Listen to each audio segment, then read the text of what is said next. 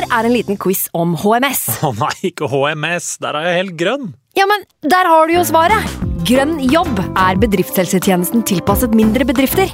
Våre HMS-eksperter hjelper mer enn 8000 bedrifter over hele Norge med alt fra lovpålagte HMS-krav til pålegg fra Arbeidstilsynet.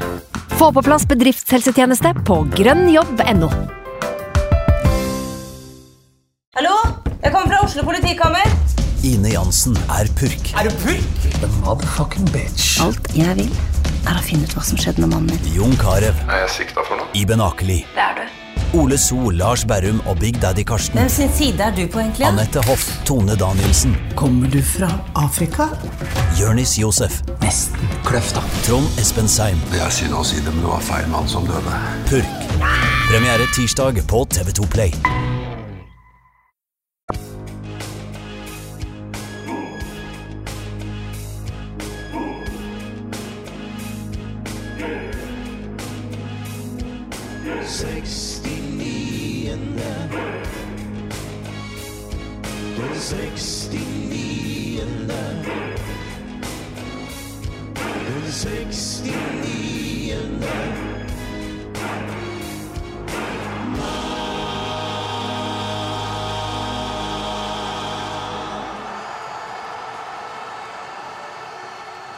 I 2020 ble de den første nordnorske seriemesteren gjennom tidene, noe de også gjentok i 2021. De har satt rekorder, brutt barrierer. De har til tider herja i Europa, solgt spillere for over 550 millioner kroner de siste årene. De har tatt medalje fem år på rad, hvor tre har endt i gull. I tillegg til to cupfinaler og flere gruppespill ute i Europa. Ingen trodde at det skulle være mulig. Ingen. Kjetil Knutsen, bergenseren som ble avskilt av Åsane. Kjetil Knutsen, kanskje tidenes nest beste klubbtrener fra Norge. Kjetil Knutsen, mann som får spillere til å flytte frivillig opp til Bodø. Cupgull og deltakelse i Champions League mangler, men sjansen for at han har det i meritt- merittlistene i løpet av de neste ni månedene, er stor. Ulrik Saltnes, mann som skal legge opp og studere. Patrick Berg, som vurderte å finne seg en ny klubb for å få mer spilletid. Faris Pemi, mann som ikke visste hva målet var. Nå er han beistet på topp for Glimt, og det til kun tre millioner. Få har trua på Pemi. Nesten ingen. Kjetil Knutsen, han har gjort det igjen. Mann som gjør gull ut av gråstein. Mann som bryter nye barrierer og viser resten av Fotball-Norge hva som er mulig. Bodø-Glimt gratulerer som seriemestere i 2023. Dæven, det var jo, det var jo fint sagt, Jonas. Jeg var sikker på at når du sa du skulle ha en Glimt-hylle, så var det en banter fra A til Å, men her eh, leverer du. Ja, det, hvem skulle tro det her? At det kommer fra meg, liksom? Det viser Nei, at det- hopp for alle. Ja, absolutt. Du hører kanskje på stemmen min òg at jeg har feira det seriegullet ganske godt, så en redusert eh, Frank her i dag. Åssen var feiringa i går? Var du ute på banen og Du var kanskje første, så- første som sprang, eller? Ja, blant de første, i hvert fall. Jeg var blant de første, første borti spillerklynga på motsatt banehalvdel, i hvert fall. Det var eufori og glede som eh, skulle ut av kroppen, så det var, det var helt nydelig å endelig sikre gullet, og for første gang på hjemmebane. Vi har jo hatt ei banestorming i Mjøndalen i 2021, og i 2020 så var jo gullet borte i Drammen mot uh, Strømsgodset, og da var det jo ikke lov med bortesupportere. så det var jævlig gøy å få være med på en sånn opplevelse, og det håper jeg alle som var på Aspmyra blir å huske resten av livet. Jeg la oss på Twitter på lørdag at det var en del eh, folk fra Bodø som håpa på at Brann skulle avgi poeng på lørdag. Eh, sett i ettertid, det var vel kanskje greit at det endte på den måten her, eller? Jeg tror de Twitter-profilene du leser om eh, som mente at Brann ikke skulle vinne på lørdag, det er sånne Twitter-profiler som også satt hjemme i sofaen og så kampen på søndag også, så de ville feire et seriegull lørdag eller søndag fra sofaen uansett. Jeg tror alle som skulle på stadion ville ha det der gledesutbruddet som det vi fikk da. Så, men eh, hvem er jeg å dømme hvordan folk ønsker å feire et seriegull? Åssen var kvelden og natta for deg, da? Du så, våkna på så en eh, Messenger-melding fra deg, var det to-tre eller noe sånt i natt, der du drev og booka Glimt-spillere som gjester i podkasten? Nei, det var ei, det ble veldig fuktig natt, for å si det sånn. Vi hadde jo booka uteplass, og så uh, ble vi jo invitert med inn på Glimt sin fest etter hvert. Også vi, vi som er i styret til uh, supporterklubben, fikk jo komme inn på, på den indre delen av festen, der spillerne og trenere og støtteapparat alt satt. Så jeg har jo sikkert eh, dumma meg ut for han hele gjengen i natt, men gøy var det. Så kjennes på kroppen i dag. Unner deg den, Frank. Eh, vi, ha noen, vi, har med oss noen gjester i dag, og vi kan jo bare få det inn i studio. Og vi kan jo starte med hele Norges Mario S, som eh, kanskje er ekstra glad i dag, siden HamKam eh, sikra ny kontrakt på søndag. Velkommen tilbake til oss, Marius Kjeldbæk. Takk for det. Det er en ære å være tilbake. Vi skrur eh, tida tilbake til før eh, første runde, og de aller fleste trodde at HamKam ville rykke ned, deriblant oss. Nå, to runder før slutt, så er plassen sikra. Hvordan føles det for en ekte HamKam-gutt? smått absurd og et utgangspunkt som eh, ville ha vært eh, vrient å tro på før sesongen. Og egentlig da et utgangspunkt som ville vært vrient å trudd på gjennom hele sesongen, syns jeg. For jeg tror nok aldri det har vært noen uh, i og rundt HamKam som på noe tidspunkt har følt seg safe, da. Uh, OK, så begynte man vel kanskje å tro det etter, um, etter Viking sist, at jøss, nå går resultatene litt stang inn her. Og det begynner å se bra ut. Og så, så diska de opp en, en knallsterk borteseier da, nå, og vips, så var dette i orden. Så, men eh, eh, jeg vet ikke helt hva den følelsen er. At det er et sånt snev av eh, lettelse, egentlig. At man slipper å nå ta en uke i, i dritten, liksom. En uke med, med, nerver, og at man ikke helt vet hvor laget står. For nå er man jo trygg og kan begynne å se mot neste år egentlig allerede. Uh, så det er en uh, det er en litt rar følelse i en sesong som uh, har inneholdt noen uh, vanvittige uh, topper og noen helt sånn elendige nederlag. Men det har blitt nok poeng ut av det, og det skal de være fantastisk stolte av på Briskeby. Du oppsummerte nesten sesongen til de fleste lagene i Eliteserien. ja, ja da, det, og det skal jo sies, det er faen ikke lett å rykke ned altså, fra Eliteserien. Det må jo bare kunne si, da. Uh, så timinga har jo vært god, uh, fordi at uh, jeg ser jo at en del trenere mener at nivået har vært bedre i år enn i fjor. Dem om det. Det kan jo hende at det stemmer, men antall, antall lag som har vært dårlige og hatt dårlige perioder over tid. Knapt tatt poeng, eh, hatt lange, lange tapsrekker. Jeg føler at det liksom Der snakker du om fire, fem, seks klubber da, som har hatt sånne perioder i år.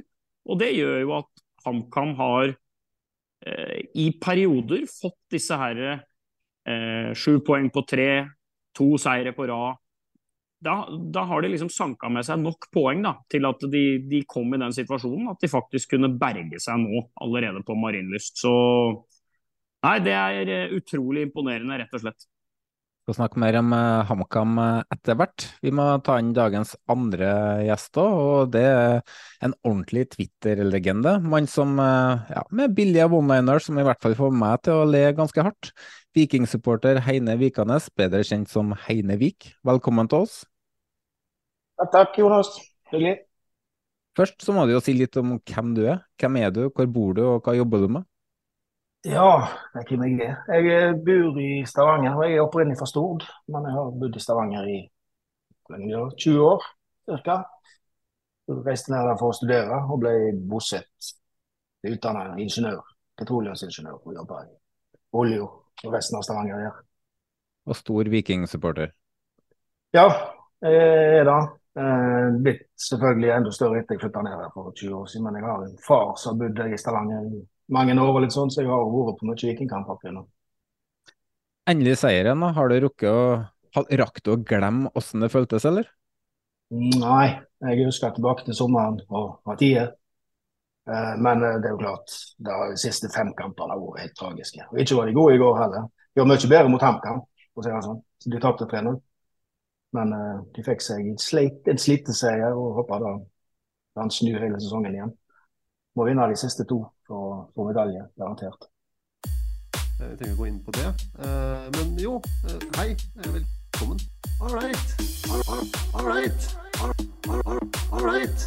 All, all, all, all right. Det var dagens gjester, og nå går vi videre. Og da begynner vi med det som jeg har plukka ut som rundens snakkis.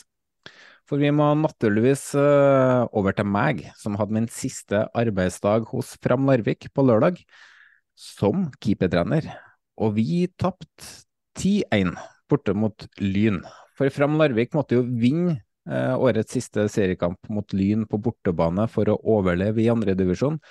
Lyn måtte vinne med fem mål, pluss det som Egersund eventuelt vant med mot Vard Haugesund.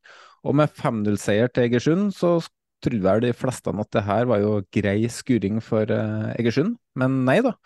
Vi ga oss ikke før det sto 10-1, men Lyn mangla kun ett mål, og det var kun lagt til tre minutter, noe som jeg forstår lite av. Marius, fikk du med deg dramaet som utspilte seg i andredivisjon på lørdag, eller? Ja og nei, eh, hvis det er et sånt uh, høydiplomatisk politikersvar der jeg på en måte må late som jeg kjenner til et sakskompleks, ga egentlig mer eller mindre faen, men allikevel blei såpass fascinert av utviklinga at jeg fikk med meg de siste skal jeg si, åtte-ni minuttene. Og jeg satt jo og tenkte på det at aldri før har jeg vel sett et totalt dødfødt utgangspunkt nesten lykkes. Å være så nær at det faktisk går. Men på den annen side, hør på politikerspråket her nå, men på den annen side så føler jeg jo heller ikke at det noen gang var helt nær. Uh, og det, var, det, er rart, da, når du setter det resultatet der, 10-1 i siste. Da skal du vel, jeg vet ikke hvor mange av 100 ganger det går. Ja. Hvis du vinner 10-1 i siste og der står om fem mål, men du snakker vel en sånn 98-99 av gangene bør det gå. Men pga. at Egersund hadde den ledelsen til pause, skåra vel også i det 78., hadde fem, så tenkte jeg jo at sjøl om det blei 8-9, så visste du at det liksom det var fryktelig langt igjen da, til den båten kunne bli fortøya, liksom. Så nei, det var noe sjuke greier. Det var uh, jeg veit ikke. Jeg syns egentlig både synd på Jeg syns nesten synd på de der i Egersund nå som måtte lide i de minuttene der, og, og Lyn som skal Nei, det var bare helt absurd, hvis det kan sies. Vi på sidelinja, vi, vi skamma oss så jævlig. Og altså, jeg unner Lyn opprykk og håper de tar det gjennom kvaliken som kommer nå, men vi ville overhodet ikke være årsaken til at de tok direkte opprykk på 11-1. Uh, så det var, det var, vondt. Jeg hadde vondt, uh, Håkon Lundov hadde vondt, og Armin hadde vondt. Så vi, vi sto der og prøvde å mane guttene til å i hvert fall låse igjen, ikke gi dem noe mer. Men alt gikk inn, altså. altså eller ikke alt, for vår beste den kampen var faktisk keeperen. Så det er jo også, også helt absurd. Og det var og jeg skjønte veldig lite når uh, dommeren, uh, eller fjerdedommeren uh, drar opp uh, innbyttertavla og viser at det er lagt til tre minutter. Det var skåra sju mål i andre omgangen der. og, og um, det var ikke så mye drøying av tid eller mye stopp i spillet, men det ble jo foretatt ganske mange innbytter. og Nei, Den forsto jeg lite av, og jeg er sikker på at hadde det vært lagt til fem, så hadde faktisk Lyn fått det siste også. For det var det var hjerneblødning fra A til Å fra vår side, så det der var ordentlig ekkelt å være med på. Men jeg er nødt til å berømme Lyn faktisk, og supporterne deres. da. For eh, den ramma som var rundt den kampen, det tror ikke jeg man har sett i andredivisjon. Jeg vet ikke hvordan det var når Fredrikstad var der, men eh, eh når vi kom ut uh, av, av garderobene og skulle, skulle over matta der, uh, masse bluss og synging. og det var en rå opplevelse å være med på før kamp, i hvert fall, og første 20. men, men um, vi skåra jo et mål, da, som var det som holdt, som gjorde at vi berga. Det var jo med um, Isak. Og det hagla inn meldinger på telefonen min etter kampen fra Vålerenga-supportere som ville ha signert drakt fra, fra Isak. Så Frank, du fulgte jo med på dramaet, i hvert fall på oppdateringene underveis der. Jeg satt jo og fulgte med den TV-sendinga til TV 2, den her for toppserien for kvinner, der de også går inn på det her eh, dramaet i andredivisjon, da. og satt jo med liveoppdatering på telefonen også og bare fulgte og drev og prøvde å oppdatere han. Snorre og jeg oppdaterte hverandre med sånn ah, to mål igjen, så rykker Lyn opp. Ett mål igjen, så rykker Lyn opp. Ah, nå er det to mål igjen, nå skåra Egersund. og Det var jo helt spinnvilt å følge med på og bli så slukt inn og engasjert i noe som skjer i andredivisjon, som man egentlig bare kanskje gløtter på med et øye bare på resultatene en gang i uka. Så sitter man der og følger med sekunddrama og ser om hvem er det som faktisk tar opprykket. Og så regner jeg med at Egersund har sendt det i kake eller noe til han Isak Nilsen for målet han skåra. Ja, jeg tror ikke vi trener ham for kake, i hvert fall. Ja, Jeg fikk eh, jeg snakket med folk som har vært på Egersund-kampen òg. Og de sa jo da Egersund kunne jo vunnet 10-0 den kampen. der. De hadde så mye sjanser. Det var stolpeskudd og det var fullstendig kaos der òg. Eh, det er vel de to beste lagene som gjorde opp om seieren til slutt, tenker jeg.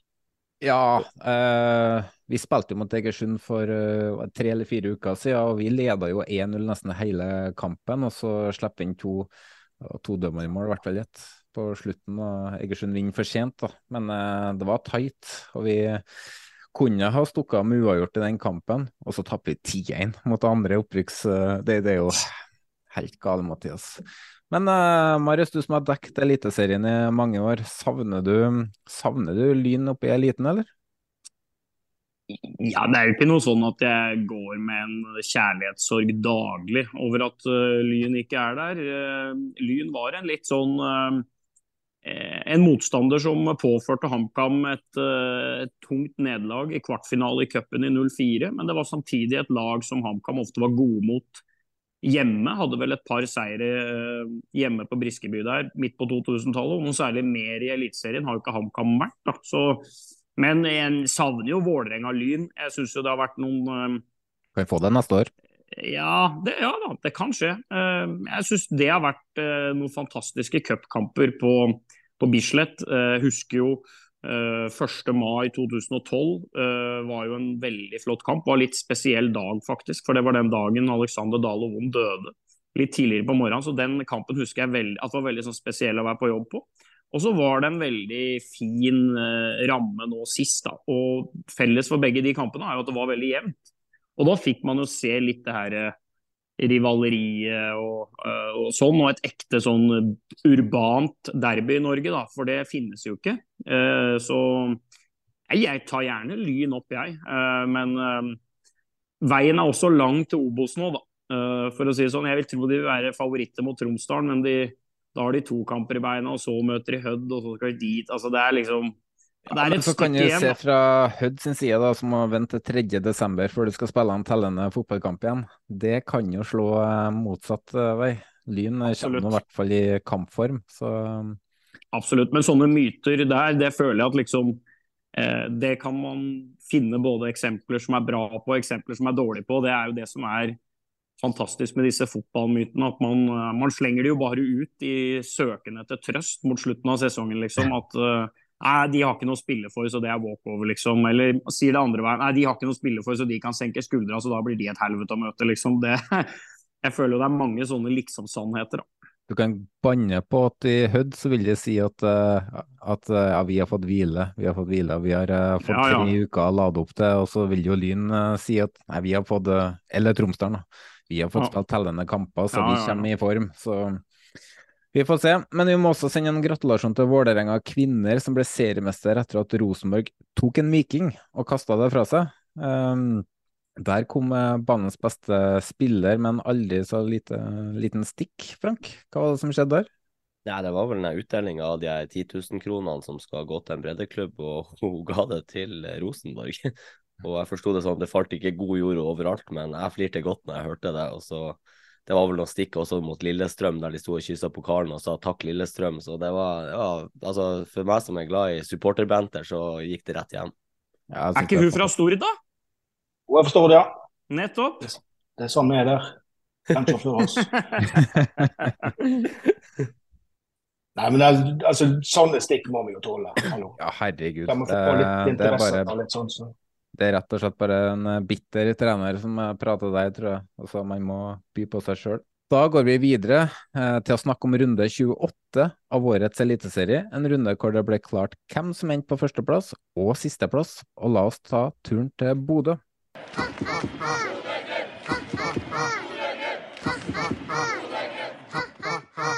Ålesund døde 12.11.2023. Ålesund ble født 25.6.1914. I løpet av livet har de tatt med seg to NM-titler, i 2009 og 2011. Ålesund var et lag som aldri markerte seg i toppen av norsk fotball, men i 2002 rykka de opp til Eliteserien med fargeklatten Ivar Morten Nordmark som trener. De rykka rett ned igjen pga. dårligere målforskjell enn Vålerenga, men så kom de rett opp igjen. Derifra ut ble de kjent som Tangotrøyene. De begeistra og underholdt, med spillere som Michael Barantes og Demar Phillips, med I som trener.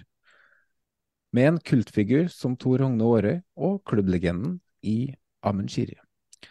De etablerte seg på øverste nivå og ble der i hele ti sesonger på rad. Sesonger som inneholdt de nevnte cuptitlene og to fjerdeplasser. Ålesund var en klubb å regne med i norsk fotball. For etter nedrykket i 2017 står de nå med tre nedrykk på sju sesonger. Og det her i en by med 67 000 innbyggere, med stadionkapasitet på 10 778. Ålesund skal på nytt spille, spille Obos-ligafotball i 2024, og i samarbeid med Færder begravelsesbyrå lyser vi fred over klubbens minne. Heine, hvorfor rykker Ålesund ned? Nei, de, de har ikke gode nok spillere, i mitt øye. Og I tillegg når de største spillerne, største stjernene underpresterer, så blir han nedrykk. Grytebuss annet har jo ikke vært god i år. Eh, Det eneste som har vært brukende, er egentlig Karlsbakk, spør du meg. Han har vært bra. Kristensen av og til. Ellers så har det vært underprestering. Og så har de Obos-ligaspillere. Ødemarksbakken er en Obos-ligaspiller, spør du meg. Sammen med Ramsland, du kan ikke hente Ramsland og håpe at du skal overleve Eliteserien. Obos-ligaspiss. Så det de er ikke bedre. Og jeg, de, skal, de må gjøre mye, der skal de komme seg opp igjen nå. Det, eh, de har en jobb å gjøre Dette. Ja, det tror jeg òg. Og det er jo stor misnøye mot uh, sportslige apparatet i Ålesund, og med tre nedrykk på sju år, så er jo det ganske forståelig. Bør det gjøre en endring i klubben nå, Marius? Ja, Det er jo i hvert fall veldig nærliggende å tenke det. Eh, endringen er jo også ganske radikal, da, den som er gjort. Eh, og jeg tror jo at du finner svaret på Ålesunds fall litt i at her er det noen som famler etter en identitet. Eh, de går for eh, Lars Bohin i sin tid, som eh, tar de opp. så bytter de og går til Lars Arne Nilsen med alt det han står for, på godt og vondt, syns jo mange. Men dette som har med vondt å gjøre, det er jo litt sånn øye som ser. Han er nå i hvert fall en, en resultatgarantist som noenlunde å regne, syns jeg. Eh, Så gjør det jo den endringa at du, du går mer nedover da i andreballmafiasystemet og finner en um, litt mer moderne, en eh, litt annerledes trenertype som står for en mye mer ambisiøs fotball. Uh, helt andre rammer for trening uh, og den slags. Men så, så klasker Ålesund rett ned med, med Christian Johnsen òg, men akkurat det tror jeg han var sånn rimelig forberedt på. Jeg tror ikke han så på dette som en sånn her kommer jeg inn som uh, fuckings Jesus, hvis fucking og Jesus er to ord som kan brukes etter hverandre. Men eh, Ålesund må finne ut hvem de er og hva de er. Jeg, jeg ser ikke én person jeg, som jeg tenker sånn aha, det er Mister Ålesund. Det tenker jeg når jeg hører Godset, så tenker jeg ah, det er Jostein Flo. Og det, er, ah, det, er, det er i hvert fall en slags mister der, da. Nei, det, han, den Eh, ene de hadde, han eh, ville du ikke ha som trener, og han endte opp i KBK og gjør det brukbart der. Så har du jo Tor eksempel. Er jo der ennå, på akademilaget, eller andredivisjonslaget, riktignok. Men det, hold, men det holder ikke. Du kan ikke ha en mister som styrer andrelaget. Du kan Nei, ikke nei, nei. ha en eh, så, så, Og det var vel kanskje litt den maktkampen som uh, Amund Shiri tapte. Eh, og jeg savner det egentlig. Jeg vet jo at den type som Henrik Hoff, han var kontroversiell. Han hadde sine fiender, men han hadde jo jaggu sine tilhengere òg. Og da følte jeg at Ålesund hadde en mye tydeligere retning. da. Du, du visste litt hva klubben sto for, og hvem de var, og hva de var. Men det føler jeg ikke helt nå. Vi må selvfølgelig snakke om årets seriemester Bodø-Glimt. Vi trodde jo at Viking skulle gi det i kamp eh, helt inn, men slik gikk det jo ikke, og Glimt kunne løfte eh, pokalen over hodet. Legg merke til at jeg sier kunne løfte pokalen over hodet, for NFF hadde åpenbart ikke fått med seg at det der kunne bli en realitet, eh, Frank? Hadde det ikke vært en perfekt anledning nå før landslagspausen å ta feiringa helt ut? Vi tok feiringa helt ut, men uh, som du sier, NFF uh, eh, ønsker ikke at uh, tittelen skal løftes før siste hjemmekamp for sesongen. Så i og med at vi har hjemmekamp mot Sarpsborg i runde 30, så er det da pokalen løftes uansett. Men klubben la jo til rette for at vi i hvert fall skulle ha ei jævlig fin feiring. vi som var på stadion og resten av byen, for å si det sånn, da. Så feiring ble det. Og det, ja, som jeg var inne på i starten av episoden, det merkes. De selger jo spillere etter spillere og erstatter dem med potensial, men det ser jo ikke ut til at det har tatt nevneverdig mye skade av det. Hvor imponert er du over det Glimt får til, Marius? Eh, hvis du ikke er det, så, så, mangler man i hvert fall helt gangsyn. Eh, de, de, gjør jo mange utskiftninger òg, så er vel kanskje eh, Altså, sesongen i år er jo ikke perfekt. Uh, det er et toppnivå der som som matcher de kanskje beste årgangene. Men det har jo i år også vært uh, ustabilt til tider. Ja, de er suverene. De driver klart best, de spiller klart finest fotball. Så seriemesterskapet er jo sånn sett uh, det, det, det, er det jo aldri tvil om. Og, og, nå på høsten så har jo også resultatene i Europa vært bra. Men uh, de, de, har vel på en måte Champions League som et promised land. da, og jeg vil jo tro at stallen nå, der de jobber tungt nå, er vel å se hva og hvem kan vi selge for at ikke det skal gå på bekostning av ha muligheten til å gå Champions League til sommeren. da. Eh, så det er vel den store, store utfordringa som Bjørkan og Kjetil Knutsen har nå. For de har vel sikkert sett litt både gjennom fjoråret og året at napper man for mange ut av rammeverket, så er vi fortsatt gode nok til å dominere i norsk fotball. Sjøl om Molde hadde den sesongen de hadde i fjor. Men Champions League, da er det liksom Hvis Fari skal selges, hvis Grønbæk skal selges, skal man gå med de samme midtstopperne. Jeg tror jo at det mangler bitte litt da, glasur for å, for å være der de drømmer om å være. Ja, for det er jo med de spillerne som de har nå, med Grønbæk som du er inne på, du har jo Patrick Berg, Pemi. Um, Altså, de må jo Det er jo spillere de må selge etter hvert uansett. Og jo lengre tid det tar før de selger én, så ender det opp med at man fort må selge to og tre samtidig. Så man må jo kanskje allerede nå begynne å se på skal de slippe én for å så erstatte han og slippe en ny en til sommer. Altså, det er en vanskelig kabal de skal gjennom nå. og uh, Så tror ikke jeg de har lyst til å selge noen av de heller. men jeg tror nok at budene på et par av de spillerne der kommer til å bli så høy at det, det er ikke forsvarlig å si nei, eller hva tenker du, Frank? Nei, jeg frykter jo nå at uh, Faris og uh, Grønbæk er de to som er på vei ut. da. Det er også kanskje naturlig. Uh, Faris har jo på en måte Erstatteren er henta inn allerede i form av han Kasper Høeg.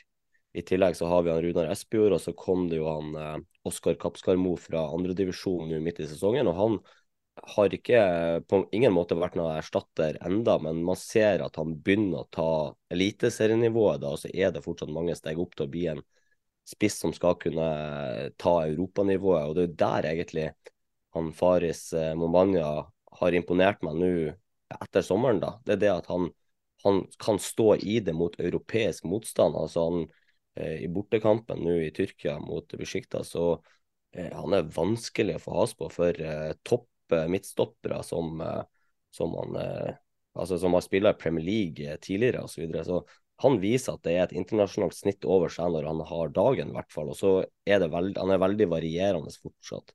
Eh, Albert Grønbæk, eh, en sånn spiller erstatter du ikke over natta, uansett om du prøver å ha det i klubben. Glimt har henta inn han, eh, han Gulliksen for å erstatte han på sikt, men Gulliksen er ikke klar for å gå inn i den rollen i januar, og sannsynligvis heller ikke i juli neste år. Men på sikt kan Gulliksen òg bli en eh, veldig god spiller, har mange av de samme kvalitetene.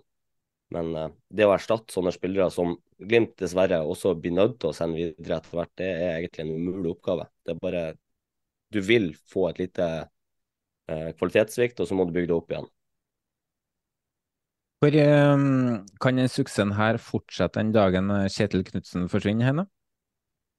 Um, ja, hvis de er like flinke å finne trenere som de finner spillere, så kan han jo da. At de kan iallfall leve litt på byggverket han har lagt. Så håper jeg de har eller Jeg håper jeg ikke, men det kan jo hende de har lært noe om hvordan det gikk med Rosenborg etter Eggen forsvant. Mm. Det blir vanskelig, selvfølgelig. Jeg Ja. håper ikke de klarer det. Første- og 16.-plassen i Eliteserien er bankers. Nå må vi se nærmere på medaljekampen som står mellom Brann, Tromsø og Viking, og vi starter med lørdagskampen hvor Brann tok turen til Haugesund.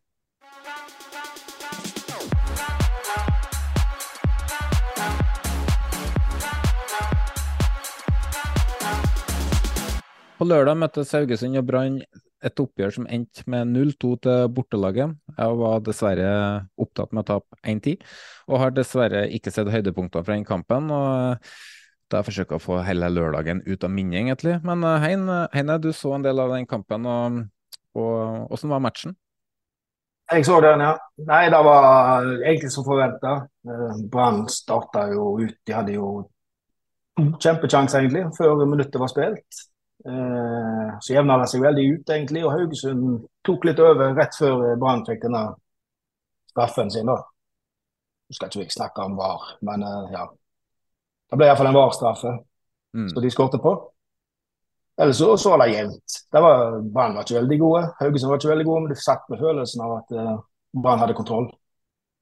Um, Brann står jo nå med ti seire på elleve kamper. Kun en fantastisk redning fra Keto unna elleve på rad, faktisk. Og Viking var jo det siste laget som slo Brann, og da må vi tilbake til 30. juli. Og nå seiler de opp som en seriøs utfordrer eh, til gullet neste sesong. Eh, Marius, er Brann et lag man må regne med i årene som kommer, eller vil, du, eller vil de eh, gjøre som de pleier når de får press på seg? Nei, det, det, det ser jeg ikke at skal være et plausibelt argument, egentlig. Eh, mm, Jeg, ser jo en del likheter da, i, i hvordan Brann eh, nå bygger og, og, og står for noe, og ikke minst prioriterer spillelogistikk, eh, som man har sett også i Bodø-Glimt de siste fire-fem årene. Eh, og det taler jo for uh, Bodø-Glimt har jo på en måte satt standarden og definert hvordan det er mulig. Og jeg syns egentlig at Brann minner litt om det. da, og de har vel hatt det nest høyeste toppnivået, sånn som jeg ser det i årets uh, serie. Kanskje med unntak av noen sånne enkeltkamper som har vært helt rå fra Moldes del. Eh, og så er jo spørsmålet om de klarer å holde hornet land. Eh, når er timinga for å forynge stallen enda litt mer? Eh, er Horneland plutselig mannen de ser for seg eh, eh, i i Hammarby er, han, er han treneren som Bodø-Glimt tenker at å, kanskje han er mulig den dagen. Altså, det er mange sånne spørsmål. da, og Har Brann kontinuitet nå med Horneland og det apparatet der, så har jeg faktisk kjempetrua på dem. Gapet opp er, er jo betraktelig, men de har vært, eh, de har vært enorme altså, i comeback-sesongen, det må jeg si. Horneland kobles jo nå til Hammarby. Hva er dine tanker om det, Frank? Tror du at Brann kan miste suksesstreneren? Jeg har litt vanskeligheter for å si at han Horneland ønsker å forlate prosjektet i Bergen akkurat nå. Eh, og at han da skal dra til Sverige, han som tidligere har vært, egentlig, vært fornøyd med å være assistent og tok over et brannlag som vakla fordi at han var, han var i klubben fra før og tok over etter han eh, Ingebrigtsen. Så jeg, jeg har vanskelig for å se at han Hornland ønsker å forlate skipet der nå, i hvert fall. Så nå tror jeg han vil melke det for, eh, for å se hvordan det utvikler seg videre. Og kanskje om et år så er saken annerledes, men akkurat nå har jeg vanskelig for å se at han skal dra til en liga som jeg anser som per nå dårligere enn den norske. Ja, og så hvis jeg ikke har hørt helt feil, da, så tror jeg at familien til Horneland har flytta til Bergen nå. Og han har vel ikke bodd med familien sin siden før han tok over Rosenborg, så det er jo enda et argument for å bli i Bergen. da. Eller et argument for å flytte. Faktisk. Nei, men Horneland er jo ikke stressa. Selvfølgelig er han ikke det. Han er dødsfornøyd. Han har vært en megasuksess nå i to strake sesonger. Men så er det jo sånn at veldig mye handler jo om kroner og øre da, i det gamet her. Uh, og jeg vet ikke hvor konkrete de mulighetene Kjetil Knutsen har hatt. Uh, hvor de har stoppa, hvor langt de har vært på vei uh, i andre typer klubber. Men han har jo også da oppgradert sin status og sin kontrakt betraktelig da, i, i, i Bodø. Og sånn vil det være med trenere som har så suksess, som med spillere, at eh, lønn og kontraktsituasjon og rammer og sånt har selvfølgelig mye å si. Vi må se litt på Haugesund òg, for det så ganske trygt ut en periode her, og det gjør det jo og det gjør kanskje ikke det lenger. For eh, hvis Vålerenga slår HamKam i neste runde, og Stabæk slår Sandefjord, samtidig som Haugesund taper borte mot Tromsø, som de fort kan gjøre, så vil Haugesund være i seriøse problemer før uh, den siste seriekampen, hvor de møter uh, Stabæk. Og uh, så hvis det går resultatene går mot Haugesund sin, sin, vei siste serie, før siste seriekamp, så henger de i en tynn tråd. I hvert fall med tanke på, på um, kvalikplassen. Stein har sendt inn et spørsmål på Twitter. Er Haugesund egentlig trygg? Kan de rote seg ned igjen i sumpen tross tre strake seire? Hva tenker du, Hein? Ja, jeg tror de taper i Tromsø. Så tror jeg Stabæk slår Sandefjord. Og så avhenger alt av HamKam Vålerenga. Der kan alt skje, spør du meg. Men hvis, hvis Vålerenga taper, da, så vil de fortsatt være en kvalikplass der, da, som eh, nærmer seg veldig. Ja, den blir avgjørende den siste kampen. Haugesund-Stabæk. Vinneren der står sikkert på den andre rykker enten ned eller på kvalik. Vi, vi, kan jo bare gå ned til Obos-ligaen for å se et Jerv-lag på 15.-plass som rykker ned med 31 poeng, så det er fullt mulig. altså. Det jo, og det å rykke ned på 31 poeng er ganske sjukt. For det, det å rykke ned når du er over 30, det skjer egentlig bare ikke. Men det er mulig. Den ligaen her er bra tett. Det er den, og spesielt hvis vi ser på runden som ble spilt i, på søndag. De lagene som er midt på tabellen, der taper jo omtrent alle. Mens lagene som var i topp eller i bånn, der ble det delt ut eh, trepoengere. Så eh, det pleier å være litt sånn på slutten av sesongen at man finner en siste lille gnist. Og vi har jo snakka om det i podkasten at lag som, som Marius var inne på i stad, at eh, lag som ikke har all verden å spille for, enten så sliter de med å få ut det du trenger for å Spesielt hvis det er et lag som spiller på intensitet. Da. Mens et lag som er litt mer spillende, det vil jo kanskje profitere litt på det. Men vi må over til neste kamp, som er Odd mot Tromsø. I Skien møttes eh, Odd og Tromsø, og vi har, eh, har, eh, har med oss journalist og tidligere gjest hos oss. Tor Henrik Steinsland, sportsjournalist i Varden, som har fulgt Odd tett gjennom mange år, og som var til stede på Skagerrak Arena. Tor Henrik, velkommen tilbake til oss. Ja, tusen takk. Alltid en ære å få komme hit. Så er det på plass å bare gratulere både Frank og Marius med gull og plass. Og hjertet ditt Det var vel ikke krise at Sandefjord tok tre poeng mot Rosenborg i går heller? Uh, det var veldig rart å være der. Jeg kommer tilbake til det senere. Men uh, det var ikke det verste laget å tape mot, kan si det sånn, da. jeg regner ikke med det. Men du var jo på Skagerrak Arena i går og fikk se et bortelag stikke av gårde med alle poengene. Hvordan vil du oppsummere den kampen? Uh, syns jo for så vidt kanskje Odd egentlig åpner kampen best. Uh, så er det et lite sånn øyeblikksmagi fra um, Zakarias Oppsal, som slår igjennom til uh, Vestlund, vel, som kommer uh, inn i boksen der. Ut til Ruben Yttergård Jensen. Ballen havner hos denne Diofta, som sleiver ballen i bakken, og så spretter den inn på bakre stolpe. Det, det, det, ja. Eh, folk rundt meg beskrev det som et vakkert mål, men det er jo grisetur. Altså, det pleier å være som med venstrebackene til Tromsø, Heine. For det der skjedde jo Stavanger, i Stavanger òg. Stemmer det? Yes, stemmer. Men det sleivsparket var tydeligvis nok da, til å få han inn på rundens lag, har jeg skjønt. Så det skal ikke så mye til i Eliteserien, føler jeg om dagen. Vi får se, da. Vi får se.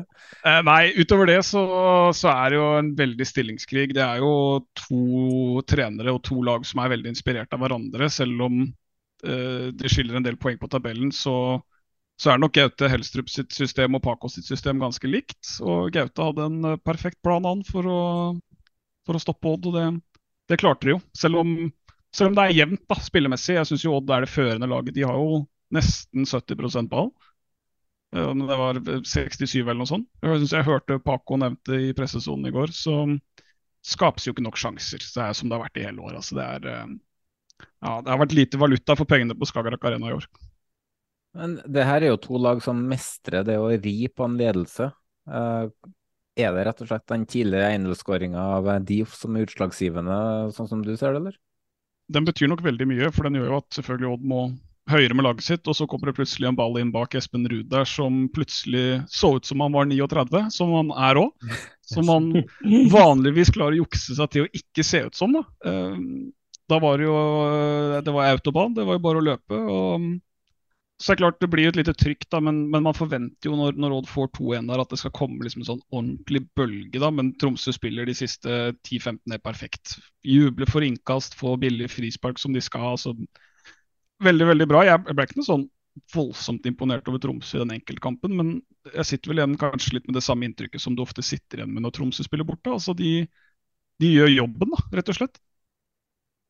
Mm.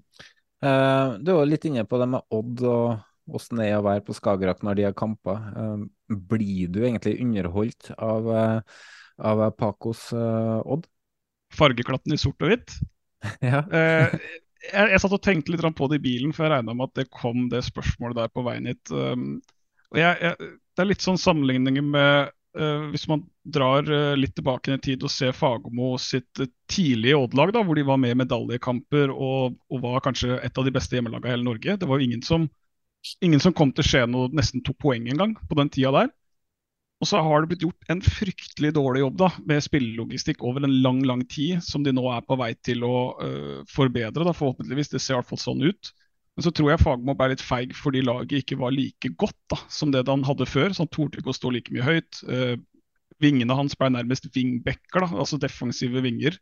Det er litt den samme følelsen jeg har med Paco nå. I fjor så slapp han seg litt løs, men så føles det ut som han kanskje på en måte har skjønt at det er en begrensning. da, uten at jeg er helt enig i at den kanskje er der på samme måte som, uh, som mot slutten av Fagermo-tida. Så Solo, som skal være både anker og stopper i en og samme rolle, blir jo stort sett stopper, uh, med mindre Odd ligger under. Da, da får de lov til å låne litt ball.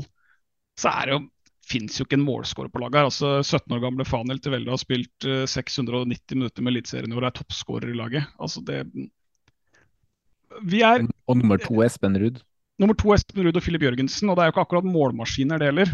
Altså, Odd er én skåring fra Borch Bang-Kittelsen, som ikke hadde spilt et minutt før og knapt har spilt et minutt etter i Tromsø, og et par uh, Leopold Valstedt-redninger unna å være helt der nede sammen med, med Vålerenga, Stabæk og Sandefjord.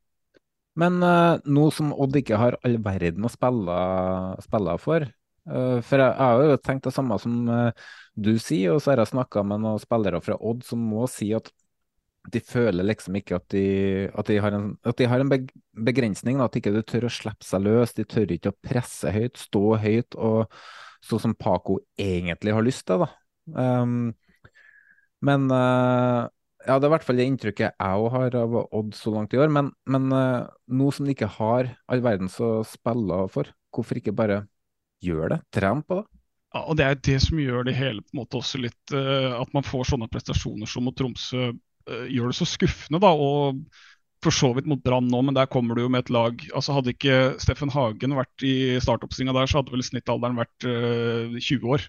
Så det er greit nok. Tape på Brann stadion, helt fair. Men at ikke man liksom tør mer hjemme mot Tromsø når man tross alt har levert ganske gode prestasjoner mot Viking og mot HamKam i de to foregående hjemmekampene, så er det så skuffende å se liksom at man Bakai er knapt nok over midten. ikke sant? Han skal jo på en måte være nøkka, han og Ruud er jo nøkkelen i det systemet her for å, for å komme seg framover. Altså, det er jo overfylle midtbanen, skape plass for de to bekkene som skal framover og nærmest spille som vinger. Men jeg, jeg vet ikke. Det, Det ser tafatt ut, det ser dødt ut, og det ser ut som en del av de spillene med begrensninger, i hvert fall for meg.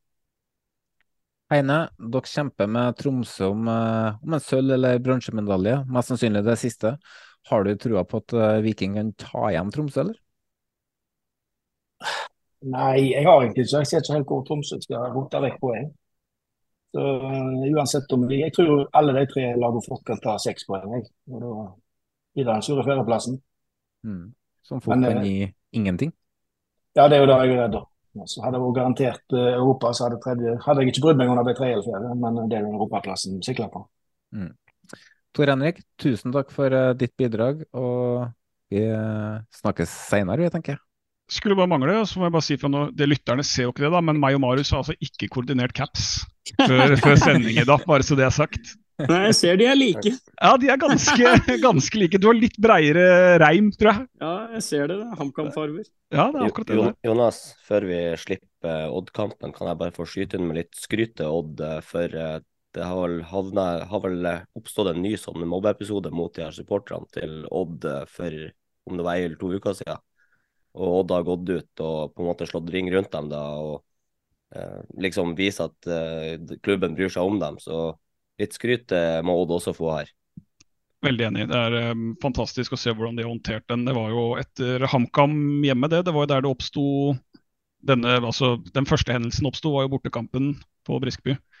Så det var vel noen som ikke hadde glemt den helt, da, og, og måten Odd har uh, tatt vare på den det gjelder. da, det, det er ikke, noe, ikke at det er noe hemmelighet, men den det gjelder. Og um, bare den lille gesten å ta den med på et uh, lagbilde, samle alle rundt den, uh, det er veldig veldig flott å se. og det, Der er Paco veldig veldig sterk. da.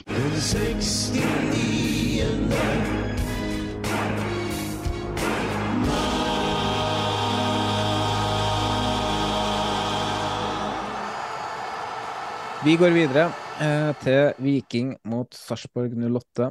Viking har ikke vunnet, vunnet i serien siden de slo Sandefjord 4-3 helt tilbake til 24.9, og sto nå med fire tap og én uavgjort på sine fem siste kamper. På søndag var Sarpsborg 08 på besøk, og seierstørken gikk endelig over for Sidison etter at hjemmelaget dro inn en 2-1-seier etter to skåringer av Samuel Adegbenro. Heine, kan du ta oss gjennom kampen? Ja, jeg må vel snakke om første omgang òg. Og det var jo grusomme greier. Første 15 minuttene så så Sarpsborg ut som Barcelona. De kjørte over Viking, rett og slett. Rafek Seknini så ut som fotballspiller, til og med. Ut som Peak Garincha utpå der. Så som han spilte mot Dortmund, faktisk. Ja. Før han datt ned på sitt vante nivå. Uh, etter, etter Sarpsborg tok ledelsen i et, jeg tror det var ca. kvarter, 14 minutter, 15 minutter, da fikk jo Viking mer ball da automatisk. Uh, så ut som Sarpsborg trakk det litt tilbake. Viking hadde sånn to halvfarligheter. Bell hadde et skudd rett utfor. og Delanli hadde egentlig en ganske stor sjanse inn i, inn i 16-meteren, men det var et litt dårlig avslutning. Og så ja, skjedde ikke så mye mer fram til pause. Og Der gjorde Viking noe grep da, som fungerte egentlig ganske fint. De tok ut, uh, tok ut Bell og de tok ut uh, stakkars Alvesen. Og satte inn på Jasbekk og Salah Svendsen. Satte de Andrik Benro inn som midtspiss. Og da fikk de helt noe annet. Da begynte de å trykke. Da fikk de egentlig fortjent utvikling etter ja, litt underkant av 55 minutter. Eh, Kjempepasning av Jasbekk gjennom til Sander Svendsen, så fant eh, Alek bedre på åpent mål. Så, da tror jeg Sarpsborg så ut som de hadde litt trøbbel, så da gjorde de klar seg trippelbytte. De skulle bytte, men da fikk de akkurat en, en ball i mål. Sarpsborg en kontring. Men den ble annullert av dette her forferdelige VAR-greiene igjen pga. en offside. Offside var for så vidt klar, den. altså. Egentlig så burde jo Lindemann tatt den, spør du meg.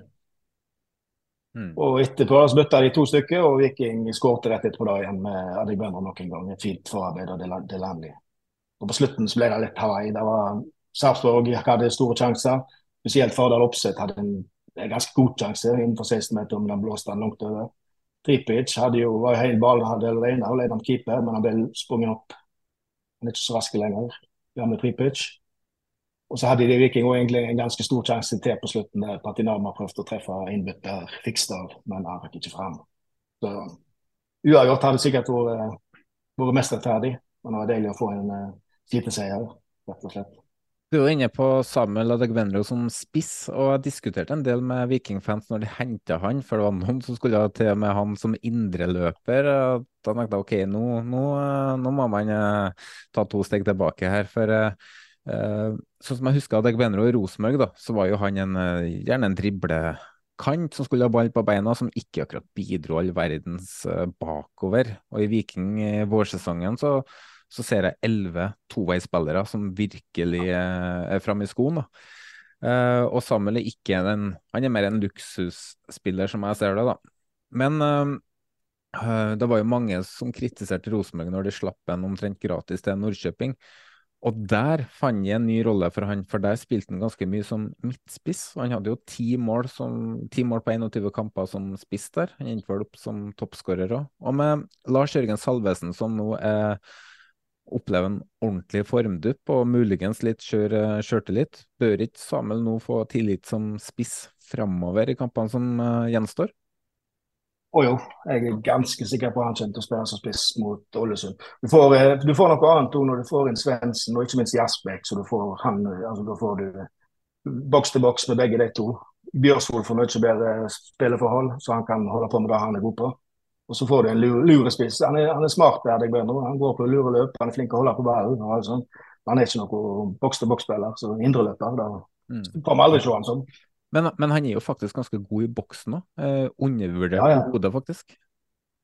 Han er smart. Han Mm. Hvor han skal stille seg. Men hva, hvis vi tar litt tilbake da, og ser litt på formduppen som Viking har uh, vært gjennom. Eh, har du noen formening om hva det skyldes? Er det rett og slett at ikke de takla forventningspresset som, eh, som kom? Jeg har to ting tror jeg som hovedgrunn til det. Det ene er jo Du fikk på en smell mot Molde. Og etter det så slet, jeg med det. Høye skuldre og litt sånn. Så må vi jo huske på at uh, høyrebekken har jo vært vekke. Både Haugen og Bjørsvold har vært skada mye. Eh, Brekalo ute, Stensnøs ute. Og Spesielt Brekalo og Stensnøs er ekstremt viktig i oppspillsfasen. Du mister veldig mye der når eh, ingen av dem er med. Diop har gjort det veldig bra, han, men han er ikke så god på oppspill. Sammen med Langås, ferske fra Ranheim, har gjort det, gjort det bra. Men du, har, du får ikke det oppspill og sånt som så, så Brekalo og Stensnøs har. Mm. Så Det har mye å si. Og så er, det, er fotball mye selvtillit over. Så du, du ser det. Og De har ikke spilt så dårlig. De spilte ikke veldig mye bedre når de vant disse ti på rad. Nei, det, det, det var Løkberg inne på i Fotballrådet òg. Og vi, Marius var inne på de som hadde ganske mange kamper med dårlige resultater på rad i stad. Men eh, se på Brann, som hadde åtte seire på rad, Viking hadde ti på rad. I fjor så hadde Molde 17 på rad. Og så når du kommer inn i en sånn flyt, så får du resultater som du vanligvis ikke får. da. Du bikker de 1-1-kampene til, til, ditt favør. Men uh, kan, tror du Viking nå kan stabilisere seg i toppen uh, i årene som kommer framover nå, med nåværende stall, eller trengs det mer forsterkninger? Og har de riktige trenere, tenker du? Jeg, ja, jeg mener de har rett trenere for det. da. Altså, de kommer til å ta poengrekord. Viking har aldri hatt så mye poeng før som de får i år. Mm. Da synes jeg det er litt rart å begynne å sparke trenere, selv om selvfølgelig de har jo hatt de siste fem kampene har jo vært ja, under pari. Ja, det... Men de kommer til å miste Brekalo, der må eh, sannsynligvis en erstatter inn. Men nå får de jo, og Stensnes er jo fortsatt har ikke skrevet ny kontrakt. Så han må jo enten selges nå, eller så går jo han gratis til, til sommeren. Jeg har hørt rykter om eh, fransk interesse for Deep. Ja, det er jo naturlig. Han var jo på vei der før han kom til Viking. Så, mm. Og han er en god stopper, da, så han kan gjøre seg, gjøre seg godt der. Så de, de må nok ha noe, noe stopperblod etter hvert. Jeg har jo jeg følger jo Nevland på Instagram, og han er i Australia akkurat nå. Og det er sikkert på en kjærlighetsferie med kona, tenker jeg. Hvem vet. Uh, vi... der, vet du at du får kvalitet. Ja. Vi eh, trenger egentlig ikke å snakke så mye om Sarpsborg 08. Deres sesong er over for lengst, og det viktigste som gjenstår der framover, det er å fornye kontrakten til spillerne. For nesten hele kamptroppen på søndag består av spillere på utgående kontrakt, eller spillere som har ett år igjen. Så det er skumle tider for, for Hampus Andersson og Sarpsborg akkurat nå. Fra medaljekamp til kampen om den meget viktige femteplassen.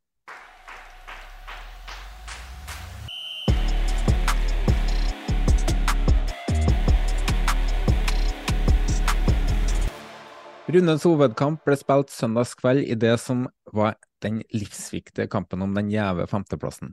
Et Molde-lag som har vakla i serien i år, spesielt den siste tida, fikk endelig vist seg fram fra sin beste side foran tomme tribuner.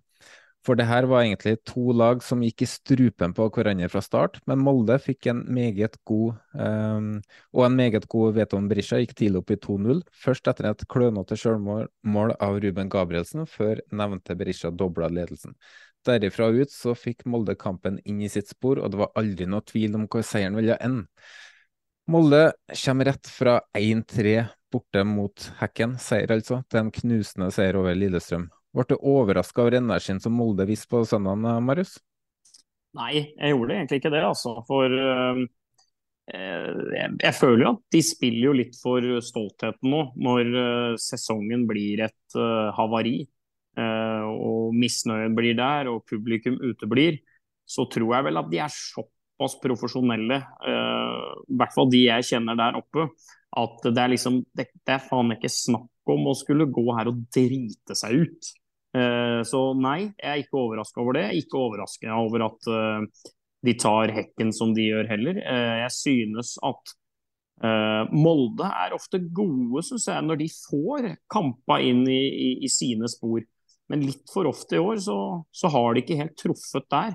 Det har vært noen det har vært noen håpløse omganger, altså i Bergen, det har vært noen litt uheldige kamper, som kanskje du kan si at eh, Åråsen eh, var i, vårsesongen. Tromsø-kampen. Altså, så det har vært en litt sånn derre Det har vært en litt sånn hangover-sesong, føler jeg, for Molde. Og når du er litt sånn hangover, så opplever du at du kan få noen vanvittige oppturer, men de her nedturene du får, det, de, blir ofte, de blir ofte jævla slitsomme. og det har vært altfor varierende. Uh, mista mye, tror jeg, i Sivert Mannsverk. Mm. Uh, mista en del X-faktor i Ola Brynildsen. Uh, det er ikke bare bare å erstatte det på det nivået her. Uh, så de har Europa og ikke minst cupen igjen. Og vinner de den cupfinalen, så tror jeg de liksom tenker at ja ja, da blei jo tross alt 2023 et ganske bra Moldeår også. Men taper i den, så blir det litt sånn uh, man, liksom ja, man, kan jo, man kan jo liksom, Hvis vi kommer videre i Europa, så er, jo, så er, jo, det en bra prestasjon for all del. Men uh, hvis de taper cupfinalen uh, Altså, se på at de kom til Europa i år, det er egentlig ikke så veldig rart når man ser hvordan lag de møtte i kvalifiseringa. Så det er jo et, eh, nærmest et krav, da, spør du meg. Men uh, Ja da, jeg er helt enig i det. Og de, de, hvis det er et sted i, i Norge, utenom kanskje Bodø-Glimt og, og, og, til dels Rosenborg, uh, i hvert fall sånn historisk sett, de, de, stiller disse kravene til seg sjøl, så er det jo i Molde. Uh, og uh, ja, jeg, jeg, jeg, tror de vil godkjenne sesongen med et cupgull, men jeg tror de vil kalle det maks terningkast tre hvis de ikke tar det. Uh, så det er en litt sånn uh, Det er en stor, stor kamp, altså. Mm. Han skårer mye Molde og har nå 61 skåringer, kun slått av Glimt med sine 74. Bakover på banen har det derimot ikke sett like bra ut, og de står med 37 baklengsmål. Og det var jo nettopp def det defensive som gjorde at de vant tittelen i fjor. Hva bør Molde gjøre for å stramme opp uh, defensivt nå, Heine? Er det rett og slett forsvarsspillerne som ikke holder mål, eller bør de styrke opp uh, midtbanen og erstatte mannsverk skikkelig? De lider veldig under tapet av mannsverk, ser det ut som. Eh, men å finne erstatter for han er jo, ikke, er jo ikke enkelt. Jeg mener han var ligaens beste spiller i det siste, det siste året, iallfall. Ja, men ellers så Jeg vet, jeg vet ikke helt hva de må gjøre. De spiller jo en sånn eh, rar formasjon. Synes det er Molde 3-5 ja, Jeg vet ikke hva kalle kaller 3-5-2. Mer 3-5-2 enn 5-3-2 eh, iallfall. Så de, ja. de tar jo sjanser òg. Så de, eh, de, går for å skåre mer mål enn å ta de slipper inn. Så de vil heller vinne 4-3 enn 1-0. Og da, da setter vi jo pris på.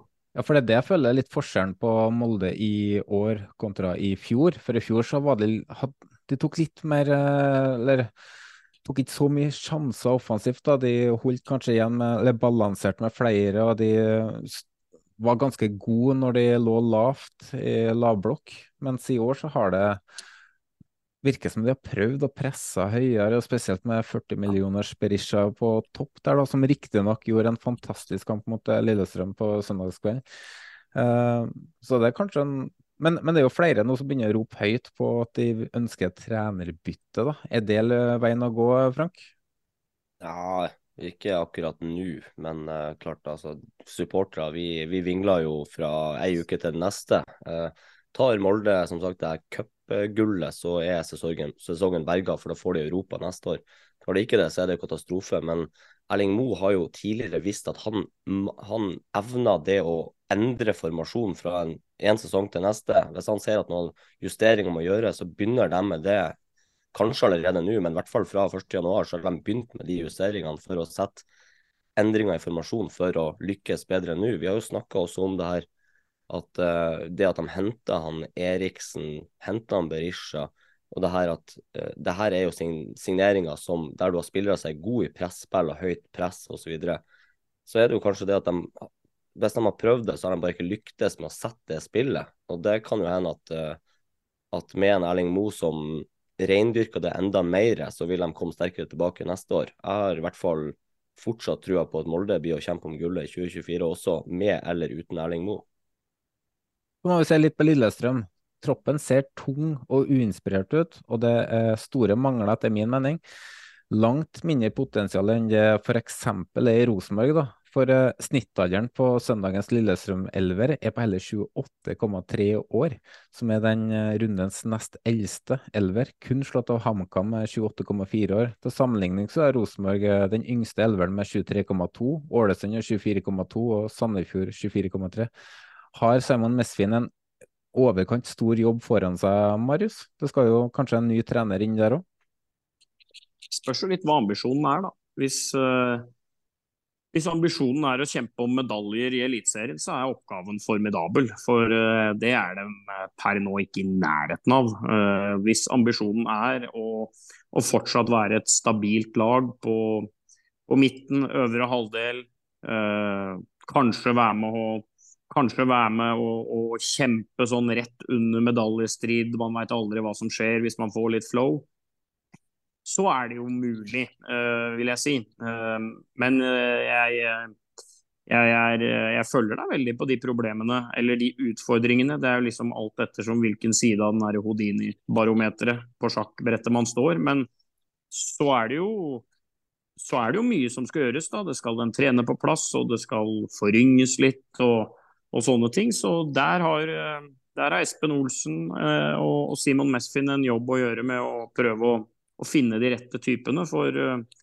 de varer jo ikke, de var jo ikke evig, de som er der. Så det, det, det, vil overraske meg hvis ikke de finner en slags, en slags knagg å henge også neste år på. og det, det er å kjempe om medaljer, det er, der, der føler jeg det er langt unna, for å være helt ærlig. Altså. Så, så jeg, jeg, tror ikke det er liksom nødvendigvis den hylla de sikter på allerede neste år. Det tror jeg ikke. Så vet vi at Lillestrøm har en del kroner å bruke òg. Eh, jo, jeg jeg syns de har gått litt sånn feil vei de siste to overgangsvinduene i hele denne prosessen. De kvitta seg med Ogbu og Matthew og flere viktige spillere fra fjorårssesongen. Nå i sommer så forsvinner han Dragsnes og han eh, Acor Adams. Og jeg føler liksom at de har ikke klart å erstatte spillerne som er borte i det hele tatt. Jeg ser liksom ikke hvem i denne troppen som skal inn og løse jobben og rollene som på en måte er blitt borte. da. Eh, og spillerne blir eldre. Eh, Lene Olsen, altså ikke for å snakke han ned, han leverer vel en middels sesong, men han blir jo ikke yngre. Gjermund Aasen blir ikke yngre. Så de, den jobben som må gjøres for å løfte Lillestrøm opp der Helt ærlig, jeg trodde kanskje de skulle være og kjempe om medalje før sesongen i år. Den jobben som må gjøres for å få de dit nå, den er enorm. Men først tror jeg de må ha en eh, ny trener på plass, og de har i hvert fall penger å bruke. Nå må vi over til HamKam og Mel Galvi, som rett og slett kunne feire fornya kontrakt i Eliteserien med sin enelseier borte mot Godset. Nå står de med 33 poeng, som kanskje er 10 poeng mer enn hva jeg sjøl trodde de skulle stå med før sesongen. Er du like overraska over Jakob Mikkelsen og hans mannskap som det vi er, Marius? Nei, det er jeg egentlig ikke. Jeg er ikke overraska over Jakob Mikkelsen. Det er jeg ikke. Uh, han syns jeg står for en uh, pragmatisme og en enkel måte å, å analysere og vurdere sjanser, ikke-sjanser på, som eh, jeg mener at gjør han til en nærmest perfekt HamKam-trener. Eh, han er dansk, men ikke spesielt jålete. Han er dansk, men ikke spesielt hoven uh, på spillestil. Han er dans, men ikke spesielt ambisiøs. Altså, han, han, står mer for en sånn uh, ja, en sånn uh, litt sånn urmåte å, å, tenke enkelte ting på. Samtidig som han er jævla god til å finne styrker og svakheter hos motstandere. Og, og jeg, jeg, tror det er tøft å være HamKam-spiller i enkelte kamper. Det er nok innimellom det oppleves som å ligge i den ramma og, og, holde på. Men så er det jo en sånn eufori og en sånn følelse av eh, En sånn følelse av eh, HamKam mot verden da, i de, i de, kampene det går. Så jeg er jævlig imponert over det han har fått ut av, uh, av, det, av den troppen her. Og den troppen har vært stor òg. De har henta mange. De har bomma på noen, truffet på noen, så truffet på noen som de egentlig bomma på i starten av sesongen. Så det har vært, litt, sånn, det har vært litt rotete, men det har vært en Jeg syns egentlig fra sekund én uh, Mikkelsen har trent i HamKam, så syns jeg i hvert fall det har vært en sånn retning da, i klubben. Og det, etter å ha fulgt den i ganske mange år, så kan jeg si at det, sånn har det ikke alltid vært. Uh, så nei, jeg er nok ikke så overraska. Jeg hadde HamKam på en sånn kvalik Selvfølgelig med litt sånn Du kan ikke tippe kamma ned, liksom. Uh, jeg kan ikke det. Uh, men, uh, men, to runder før slutt, det var, det var litt mer enn jeg hadde trodd. Men jeg er utrolig imponert, faktisk. Mm. Ut fra høydepunkter fra kampen så kan det se ut som at de er litt heldige som slipper unna med, uten baklengs. da. Hold kjeften din, da. Hvordan, hvordan eh, vil du analysere den kampen eller uh, høydepunktene?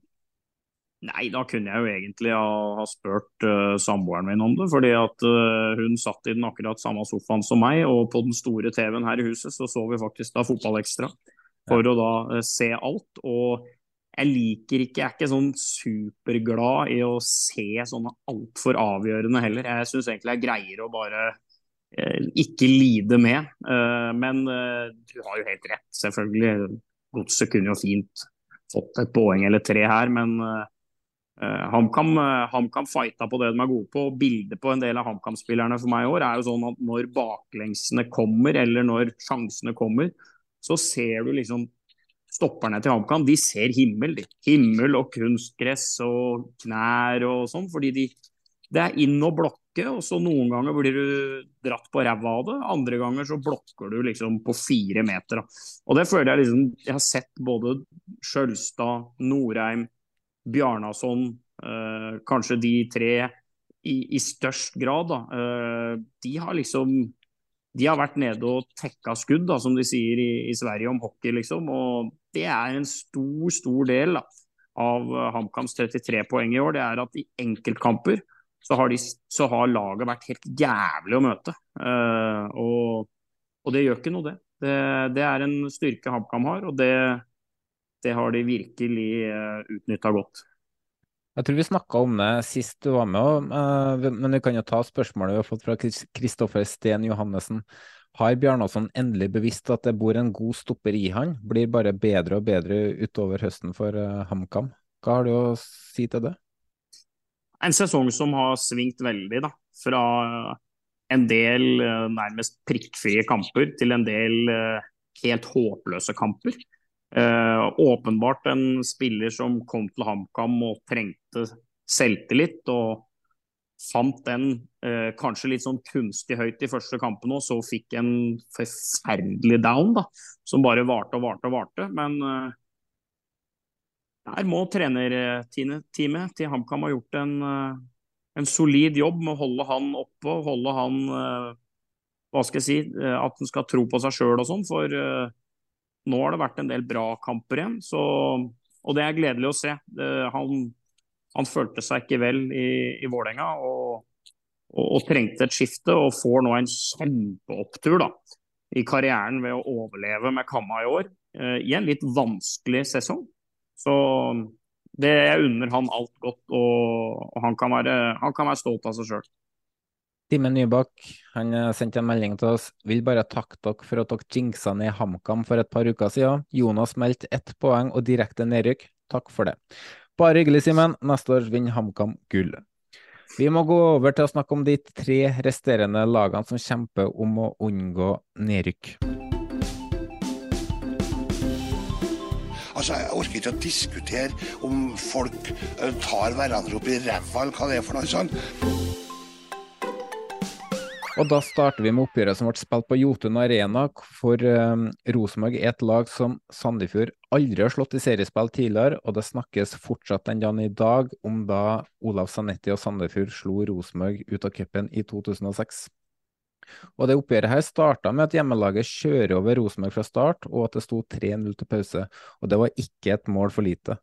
Og jeg ønsker å bruke tida jeg ønsker, jeg ønsker å bruke tida på å hylle Sandefjord framfor å slakte Rosenborg i dag, men jeg skal uansett ta det kort fra Rosenborg sin eh, side før, uh, før vi går over til å snakke om Sandefjord.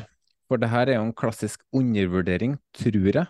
Ikke nødvendigvis av spillerne, men fra trenerapparatet. For Sandefjord er god på to ting, faktisk blant de beste i ligaen. Og det er høyt press og overgangsspill. Og hva gjør Rosenborg? De skal på død og liv spille seg ut bakfra hver eneste gang, og de inviterte til five-a-side-spill i egen 16-meter. Sandefjord får kampen inn i sitt spor og kjører over Rosenborg i hele første omgangen. I andre omgang så endres kampbildet, for da blir Rosenborg litt mer direkte i spillet, som gjør at uh, Sandefjord blir litt mer baktung. Og da spiller man på Sandefjords uh, ja, skal si svakhet, og det er nemlig uh, boksspillet defensivt. Og det var nære på at Rosenborg snudde. De fikk både eh, 3-1 og 3-2, og ble muligens snytt for ett eller to straffespark. Men at seieren var for sent til Sandefjord, det var det ingen som helst tvil om. Det får være det vi tar om kampen eh, sånn helhet. Um, du satt jo fullt kampen på Fotballekstra, Marius. Hvor imponert var du av eh, Sandefjord i første omgangen? bra, men uh, sett det før. Uh, sett Rosenborg uh, holde på sånn i Tromsø. sett Rosenborg holde på sånn på Hamar. så at Rosenborg blir fillerista på bortebane, ikke overraskende i det hele tatt, spør du meg. Rosenborg er der de er. De er ikke veldig mye bedre. Og de er selvfølgelig litt bedre enn Sandefjord, som gjør at den andre omgangen ja, der kunne de jo fint ha fått et poeng eller noe sånt, men eh, nei, det er, det er ingenting ved dem som imponerer meg, egentlig. Og, og, det får de jo bare mene at alle andre mener, og det er jo ingen andre som har peiling på noe som helst, selvfølgelig, og det er bare sånn det er. Men, men de får se på tabellen og hvor de er, og er, de har ikke tatt et poeng for lite, syns jeg. Uh, så der er det en kolossal jobb igjen som må, som må gjøres, altså. Man kan jo tenke hvor Rosenborg hadde vært hvis ikke de har fått alle utvisningene på motstanderlagene i år. Da tror jeg de har vært nedi der som Vålerenga driver og surrer akkurat nå. Men uh, Heine, hvor imponert er du over det Sandefjord uh, gjør i kampen her og tidligere? Altså, dere har jo møtt Sandefjord to ganger i år, vunnet begge, men veldig knepent. Ja, jeg har satsen på Sandefjord. De, eh, de, går sin egen vei. De prøver, de spiller fint og de er offensiv innstilling. og så har de en del gode spillere som alle kjenner til. Elsa Edd og mange andre også imponerer meg. Så jeg har, har sansen for Sandefjord, altså. Det har jeg. De får til mye på med veldig begrensede ressurser. Mm. Det andre laget holder vel nede med dem. Det er jo ganske moro å se hvor mye Sandefjord får ut av sine offensive spillere år etter år. Spesielt nå i det siste da med Jakob Dunsby og så selvfølgelig Al-Said, som har uh, vært bra i hele år. Så må vi jo nevne Jippe Kjær. Han ble kåra til banens beste mot Ålesund sist mandag, og nå ble han av en lokal jury, jury igjen kåra til banens beste, selv om jeg ikke var helt enig i akkurat det. Men han leverte en praktfull førsteomgang og viser at Bodø-Glimt virkelig har en spiller de kan satse på årene framover. Og jeg kan jo si at Dunsby har en kontrakt som går ut øh, ved nyttår nå, så her må bygge på jobb. Og når vi er inne på Dunsby, som virkelig slager om dagen, uh, som har kort igjen av kontrakten. Med tanke på hvor mye Ødegård og Tegstrøm får ut av kantspillerne, bør uh, Dunsby i det hele tatt vurdere andre tilbud, Frank? Nei, jeg tror han er på riktig plass akkurat nå. Men klart at gutten har prestert nå. Han må jo få en kontrakt som er riktig, i hvert fall. Det er jo litt av denne fella Sandefjord har gått i altfor mange ganger de siste årene. Det er jo det at spillere kommer, eh, gjerne ubeskrevet blad. Eh, de blomstrer opp på et år eller to, og så er kontrakten over, og så går de gratis til en annen plass.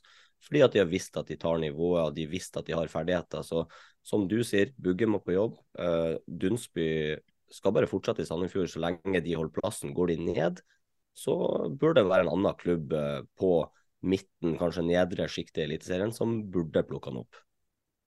Vi hadde noen eh, straffesituasjoner der eh, Venenen bl.a. ble tatt, men det er en situasjon jeg har lyst til å ta, for da er vi inne på hands.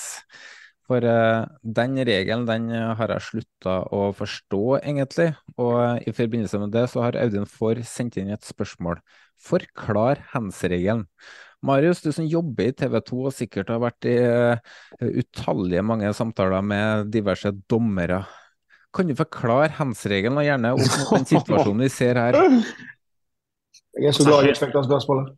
Oh, ja, nei, det er liksom, da, da er den uka her ødelagt. Da. Så her uh, vier man sin tid på kvelden for å være med i et lystig lag om fotball, og så er det bare snakk om å skjære et høl i bakken og dytte meg ned.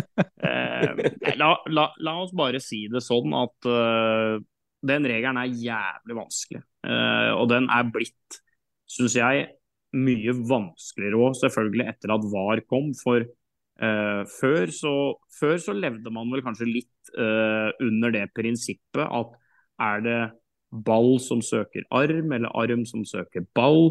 Uh, gjør man det med intensjon eller ikke? Og akkurat den med vilje, ikke-vilje hens, den er jo for så vidt bra at det er skrota, syns jeg. For det var jo et ja, det, det, var et, det, det synes jeg var et veldig vrient, da, veldig vrient argument. Men Eh, så er det jo dette her med om armen er i en naturlig stilling eller ikke. Det ser jeg jo at uh, dommerne og de som kan reglene er veldig veldig opptatt av å bruke som et uh, å bruke liksom når de setter i gang med, med paragrafer, numre og, og, det som er. Ja, for hva er det, naturlig stilling? Altså, er det åssen ja.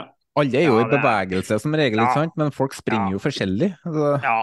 ja, og så er det jo avstand, ikke sant, på ball til arm, og så er det om stopper den arm Altså, du, du har så mange sånne. Men hvis vi ser på isolert sett den hendelsen på søndagen, da. Uh, og det kan godt hende at etter paragrafene er riktig å ikke blåse hands her, og jeg har sett Sten har kommet med en forklaring, men uh, jeg um, stoler ikke på så mye av det han sier uansett. Men når du ser både stillbildet og situasjonen, det er jo helt merkelig at en sånn avgjørelse ikke skal bli blåst på. For hvis han ikke toucher den med handa, så er jo Fredriksen helt alene gjennom eh, skrått der. Ja, jeg var også den følelsen jeg satt med da. Eh, det som var eh, fint før var, da, det var jo at man enda så sint man var på dommeren, og enda så uenig man var, så var det jo sånn at man også kunne forstå det at dommerne kan ikke dømme på noe de ikke har sett. Mm. Eh, og det synes jeg jo faktisk ofte var et litt undervurdert eh, aspekt rundt dømming. Ja da, man kan kunne være rasende på Mark Lattenberg eller Per Ivar Staberg, og det var grunn til det mange, mange ganger. Men man kan jo ikke forlange at en dommer skal kunne dømme på noe han ikke har sett. ikke sant? Mm. Mens nå veit du jo det, at det ligger det ligger et sånt slør over alle avgjørelser. Eh, kamptidspunkter, hvor vipper kampen, sånne ting som, som, det er viktig for en dommer også. Hvilken type kamp er dette, osv. Men da ligger det også et sånt lite sånn det er et lite sånn sikkerhetsnett. Altså det Normale folk uh, vil jo aldri være interessert i å dømme. Og normale folk vil jo heller aldri være interessert i å kjøre de strife i Kitzbühel. Men de som er utvalgt og har dette som yrke, de setter nok pris på at det er et lite sikkerhetsnett der. Men jeg spørsmål om tynger det for mye i fotball? Det, for fotball, det, det er ikke liksom det, det, er dynamikken i kampen. Hvor tett er du på? Ser det, ikke ser det? Rashford stempler, ikke stempler. Det ser jo ut som han holder på eh, Det ser jo liksom ut som han er en sånn tegneseriefigur som tråkker ned på Donald, liksom, og Donald spretter til været. Sånn ser det jo ut i slow-mo. Men det er ikke helt sånn det oppleves når man ser det. Nei, dette kunne vi sikkert hatt to timer til om, men som du skjønner, jeg er ikke rett mann å spørre hva som er hens og ikke. Nei, vi, vi lar det være med det. Jeg kan ta et siste om Sandefjord. da, for det gjenstår da det gjensto fem kamper av sesongen, så tippa vi i podkasten utfallet i samtlige kamper som involverte båndlagene. Det var jo der jeg tippa HamKam på nedrykk. Eh, Frank og Vegard Hansen de tippa Sandefjord rett ned. og um, og nå, jeg tippa at Sandefjord ville ta åtte poeng på sine fem siste. og Nå har de tatt syv, og det med to kamper igjen å spille. Eh, jeg tippa Sandefjord på, jeg på Sandefjord på kvalik. Kvalik var det, ja. Eh, Heine, hva tenker du om nedrykkskampen, og um, vil Sandefjord klare seg, tror du, eller? Ja, jeg tror nok de klarer seg. Jeg tror det står mellom Vålerenga, Haugesund og Stabæk. Mm. Sandefjord kommer til å vinne mot Lillestrøm. Mm. Det vet vel de fleste. Da er de, Planlagt. Da er de sikre. Så alt avhengig av slår Stabæk Haugesund i siste runde, så får enten de eller Vålerenga kvalik. Mm. Sånn, sånn jeg klarer. Vi har igjen én kamp, nemlig kampen hvor det var mest nerver. og Derfor uh, har vi med oss en ordentlig stor, celeber gjest. En uh, med meget god innsikt i Vålerenga, en som har levd livet med Vålerenga, og en ordentlig klubblegende, vil noen si. Ja, Kanskje til og med kulthelt. For vi har med oss deg, vi, Snorre Feldal. Tusen takk for at du stiller opp som gjest hos oss. Mitt navn er Jonas Sundet, og med meg har jeg som vanlig med meg Frank Amundsen. Og vi har en podkast som jeg ikke orker å si navnet på. Velkommen til deg. Tusen takk for det. Hvor er han der andre? Er ikke han her i dag? Nei, jeg har ikke sett han på evigheter, faktisk. Jeg, jeg, reagerer litt på én ting. da, Du sier jeg har levd livet med Vålerenga. Det har jeg på ingen måte gjort. Jeg har eh, overlevd eh, livet med Vålerenga. Det, det, er vel eh, riktig måten å si det på. Det Men det er hyggelig å få lov til å være gjest i egen podkast. Det er det. Ja, ja det, var, det, var så ille en vending at du rømte til Trondheim, faktisk. Ja, ni år. Men altså, det tok ni år før jeg skjønte at vi var ikke noe bedre der oppe. Det er like sjuke folk der oppe. Så det, men, nei, nei, men det er hyggelig å få, få være med. Hyggelig å bli invitert. Ja, bare hyggelig. Eh, vi tenkte at du skal være med oss eh, fra nå og ut episoden, så kan du teste og se det her, om det her er noe for deg. Eh, Intility på søndag, ta oss gjennom oppgjøret. Ja, altså Hvor skal man begynne? Det er jo en klassisk eh, nerve rundt det oppgjøret her. og det det er jo en sånn bunnkamp som det snakkes om i dagevis i begge leirer, og ikke bare i begge leirer, men blant nesten alle som er opptatt av norsk fotball. Eh, det er litt sånn være eller ikke være-følelse for i hvert fall ett av lagene, Vålerenga. Eh, så eh, oppbygninga er det jo ingenting å ta på.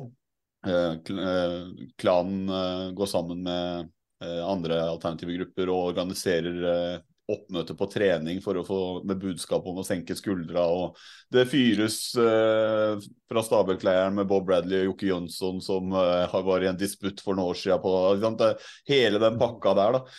Eh, og Så kommer kampen, og flomlysa skrus på Intility, og alvoret slår inn. Eh, det er jo ikke den mest underholdende fotballkampen, men det er jo også en grunn for at de to lagene ligger der de ligger. Det er jo ikke der det på en måte skjer. Men det er underholdning i en sånn nerve også.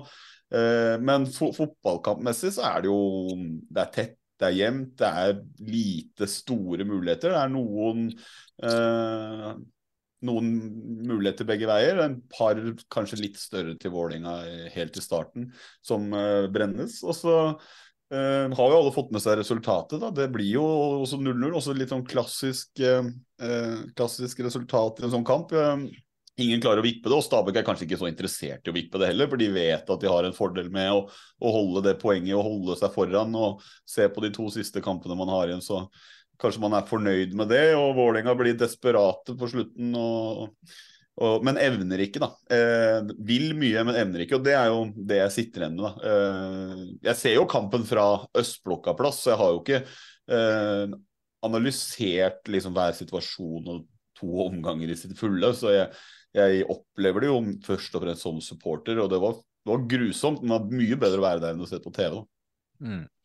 Eh, vi snakka jo litt sammen på lørdag før, eh, nei, søndag før eh, oppgjøret. Og så hadde jeg en teori da, som jeg kan dele her, og da må ikke de på østblokka misforstå. For den støtten som Vålerenga har fått i år, den er altså, helt sensasjonell med tanke på hvor Vålerenga ligger hen på tabben og hvor mye de sliter. Men jeg har prøvd å satt meg inn i situasjonen sjøl og tenkt hva hadde jeg følt hvis jeg var Vålerenga-spiller? Og når du gang på gang på gang går ut på Intility og svikter hjemmefansen kamp etter kamp. Du klarer ikke å leve opp til forventningene. Eh, de på østblokka gjør sitt aller beste, prøver å mane opp, prøver å synge, prøver å gi enda mer av seg sjøl for å hjelpe laget, og så funker det ikke. Og da tenker jeg, på et tidspunkt her, går det over Går det kanskje da over til at spillerne føler skyld, at de føler at ikke de får gitt noe tilbake til supporterne at uh, kanskje eh, østblokka blir en slags bremsekloss, hvis du skjønner hva jeg vil? Jan? At eh, det blir ekstra press? Ja, det tror jeg altså det ikke Det tror jeg på mange måter du har helt rett i. Fordi det er ikke noe det er ikke mulig å hevde noe annet enn at de spillerne har levd under et voldsomt press lenge, som man aldri i verden så for seg før sesongen. Eh, og da hjelper det ikke at du får gang på gang når du svikter på hjemmebane, og du ser hva du på en måte får av backing. Det hjelper nok ikke på presset, i hvert fall. Du har så lyst til å gi noe tilbake til de som har stått der hele veien. Eh, så det tror jeg. Men jeg er nok kanskje ikke helt enig i konklusjonen din om at det er en bremsekloss heller i seg selv. fordi alternativet er jo at ingen kommer, og jeg vet ikke om det likegyldig Nei, og det, det, det, er jo helt sant. så Det, det blir jo sånn uansett hva man gjør nå, så vil det jo ikke ja. hjelpe, på en måte. Ja, så, er, så, jeg vet ikke om jeg liksom vil hoppa til den konklusjonen. Jeg tror jo ikke at uh, hvis vi plutselig hadde boikotta nå og sagt nei, vi gjør det for å senke skuldra deres, at jeg hadde opplevd det som en positiv boost heller, liksom. Så, Altså, støtten fra den tolvte mannen vil jo alltid gi en boost på, til, de på banen, da. Uansett hvordan du vrir og vender på det. Hadde det vært fra, stille fra blokka, så har jo ikke de fått den energien fra blokka.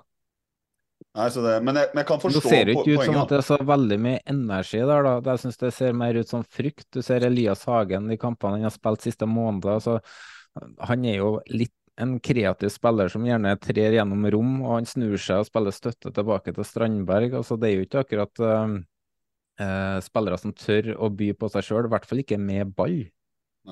Men du, hvis, du skal, hvis, være, eh, hvis, jeg skal prøve å være objektiv, da, så mener jeg at Vålerenga er det klart beste laget av de to eh, nedrykkskjempende lagene i går.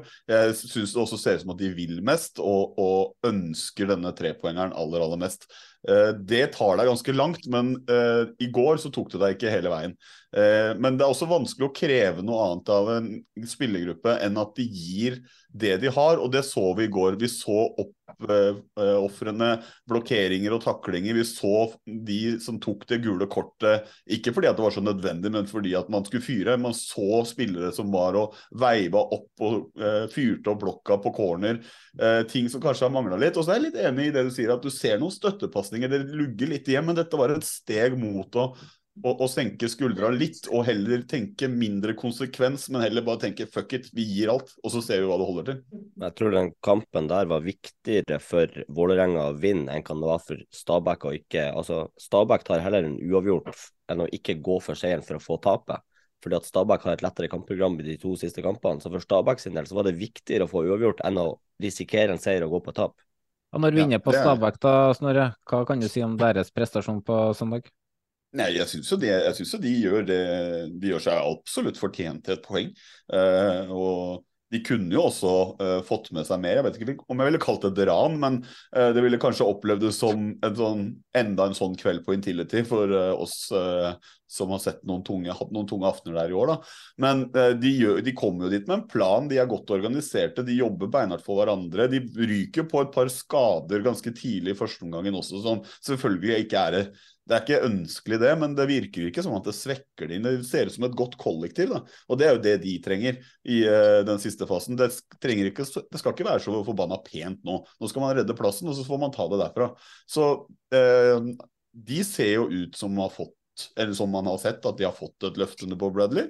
Eh, og han bygger eh, lag eh, dag for dag på feltet. Og, og, det er nok det som gjør at de får det poenget. Hadde det vært eh, spilt den kampen her for eh, to måneder siden, så eh, hadde det fort kanskje sett litt annerledes ut, tenker jeg. Heine, du har jo sjøl vært nede i grøten med som vikingsupporter i nyere tid.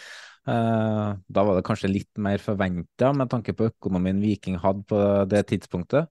Og dere fikk jo en ny start i Obos. Hadde Vålerenga trengt det samme, tenker du, eller? Nei, jeg syns ikke situasjonene er helt like. Viking måtte ha en ristart. De var jo black. De hadde ikke penger, de måtte legge om til kunstgras. Så de måtte ned og satse på lokale spillere og lokale trenere og allting. Vålerenga er jo ikke det. De har jo, de har jo alltid noe penger på lur her. Så de ja. kan klare å bygge fra Eliteserien opp. De må ikke ned i Obos for å starte, tror jeg. Marius. Og så er det en viktig forskjell der, da, hvis jeg kan skyte inn et poeng. da, fordi Når du ser på Brann, Bodø-Glimt, Viking, Lillestrøm, som alle har gått ned, restarta og har blitt tvunget til å tenke nytt, så er det også uh, Det er veldig lett å si at man skal gjøre det, men du må jo først, en forutsetning for å kunne gjøre det, er at du har muligheten til det. I Vålerenga så er situasjonen sånn at hvis vi rykker ned, så er det fortsatt denne klinsjen mellom investor og klubb. Eh, denne modellen som ikke alle eh, supportere er så veldig glad for at eksisterer akkurat nå. Så hvor stor restart-mulighet har du egentlig, når det er samme mann som trekker i de store trådene på toppen? Eh, og det er det som skremmer meg.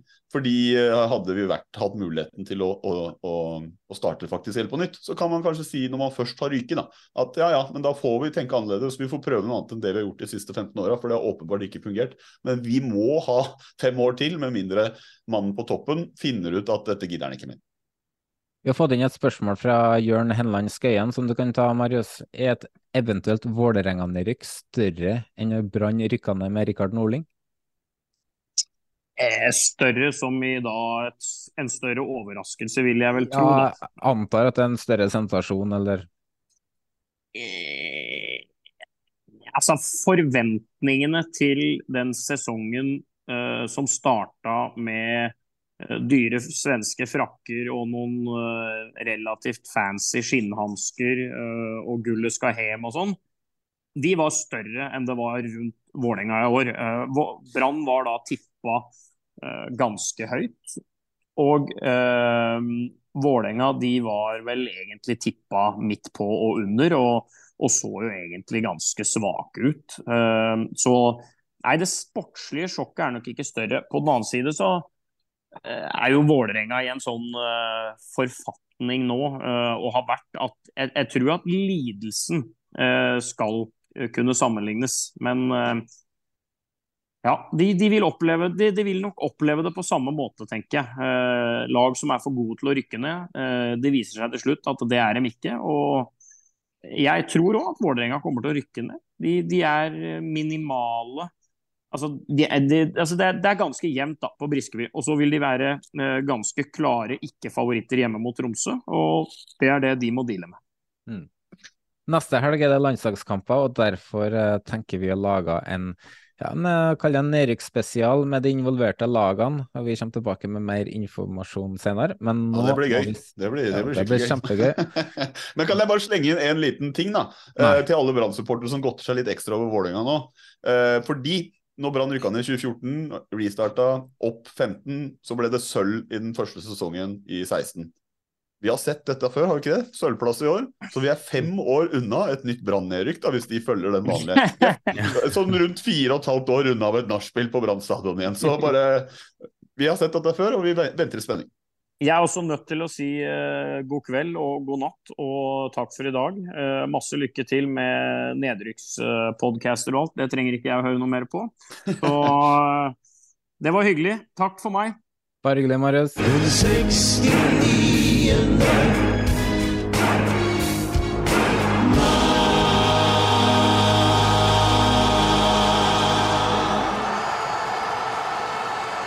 Neste helg er det landslagskamper, og derfor uh, skal vi som sagt lage den Eriks-spesialen. Men nå må vi se på rundens pluss og minus. Uh, Heine, har du en rundens eh, pluss til oss? Ja. Jeg har Veton Brisja. Vanskelig å komme unna han. endelig forbi Sondre Bjørsvold på antall mål. Men Bjørsvold har jo vært en del skader, dessverre. Men likevel så er det Men det lever, Veldig det er ikke avgjort, det der? Nei, det er ikke avgjort. Bjørsvold kommer, han. Det er kjekt da for en sympatisk egersunderen. Mm. Har du en, eh, Snorre? Ja, jeg, Nå har ikke jeg sett så mye denne runden her, eh, så jeg skal holde det internt denne gangen. Men dette føler jeg også er en velfortjent eh, pluss. da. Fordi eh, er det én spiller som har fått mye tyn eh, lenge i Vålerenga, eh, så er det Torgeir Børven. Uh, han har også hatt en katastrofal sesong. Uh, har vel omtrent uh, vært viktigere for Vålerenga 2 enn for Vålerenga 1. men å stå i den stormen og få det tynet som han har opplevd, det er jo heller ikke gøy. Det er ikke noe man unner medmennesker i seg selv. Men det er en del av det å være fotballspiller, og det har han måttet deale med i år. Eh, men i går så starter han noe overraskende i en eh, spissduo med eh, Andrej Ilic på topp. Vi klødde oss litt i huet når vi fikk lagoppstillinga på øst, vi gjorde det. Men dæven, altså. I førsteomgangen og fram til han ble tatt av i rundt 60, hvis jeg ikke husker helt feil, så er han også en av banens aller, aller beste. Innsatsen, gløden, løpa, duellene er der. Han skaper ikke noen store sjanser, men han er en utrolig god lagspiller i går. Som kanskje egentlig kanskje egentlig hadde for, har fortjent en sånn kamp og få en positiv egen opplevelse mer enn noen andre på Vålerenga, i hvert fall. Så min rundes pluss går til Torgeir Børund. Frank? Det, den må... plussen blir vel igjen i Bodø, tenker jeg?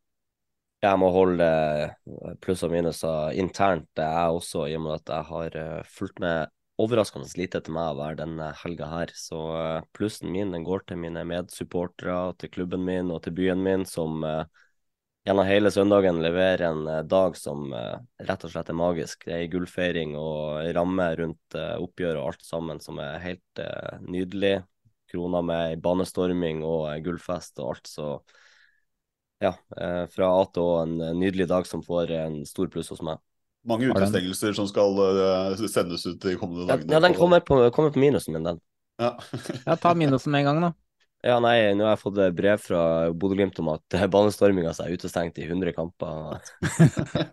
nei, eh, men minusen den går til han Kasper Høeg. Oh. Så ja, jeg kan utdype. Han, eh, når klokka er kanskje i tolvdraget på natta, så kommer han med et brett med ti shots, og da vil dere gjette hva han kommer med slags shots? Nei noe sånt, da. Nei, han skal ha folk til å sjokke at shot akevitt.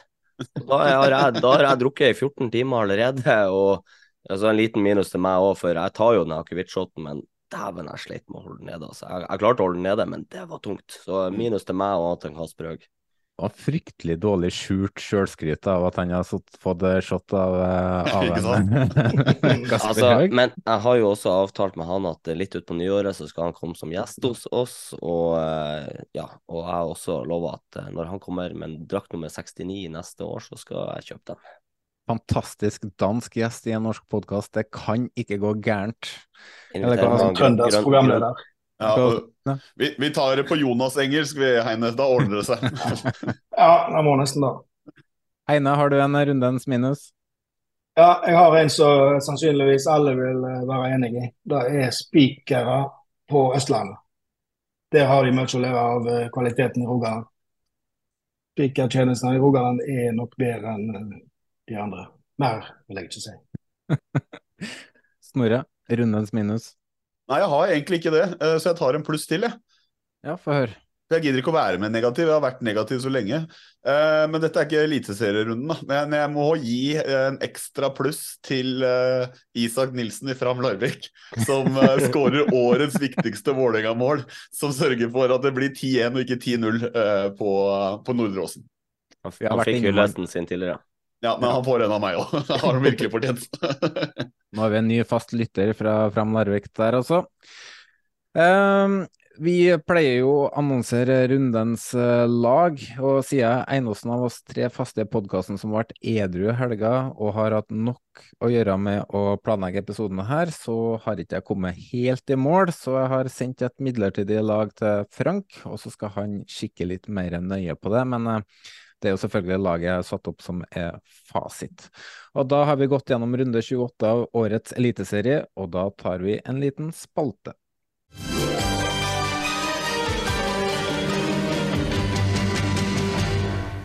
For ca. to uker siden var vi for alvor i gang med Retroheltspalten, hvor vi fikk Dagfinn Enerly inn på listen foran Morten Berre. I dag skulle vi egentlig ha et comeback for Slangespalten, men ingen av oss finner den lista, så vi må utsette den litt, ved har fått eh, litt bedre kontroll. Eh, vi fortsetter derfor med vår retrospalte, og jeg kan forklare den for nye lyttere og til dagens eh, gjest, som ikke har, hvis han ikke har hørt på oss, og Frank, da, som helt sikkert har glemt hvordan det her fungerer. Vi har en liste over navn som vi mener ja, går under retrohelt. Det kan være en kulthelt eller en legende. Eneste kravet er at han ikke skal være aktiv. Vi skal da finne ut om den spilleren her, tidligere spilleren eller person, skal over eller under de som allerede er på lista, som da består foreløpig, som sagt, av Dagfinn Enerly på førsteplass og Morten Berre på andreplass. Hvordan vi rangerer de er opp til oss sjøl. Dette kan gjerne gå på personlige preferanser. Og i dag har jeg plukka ut en retrohelt som ja, Med tanke på han som er som gjest, og det blei Thomas Pereira, det, Heina. Hva kan du si om han som gjør at han er en retrohelt for deg? Nei, Jeg har alltid hatt veldig sansen for Thomas Pereira. Han kom jo til Viking i ja, de var 1997, tror jeg det var. Kom fra Østfold, Moss.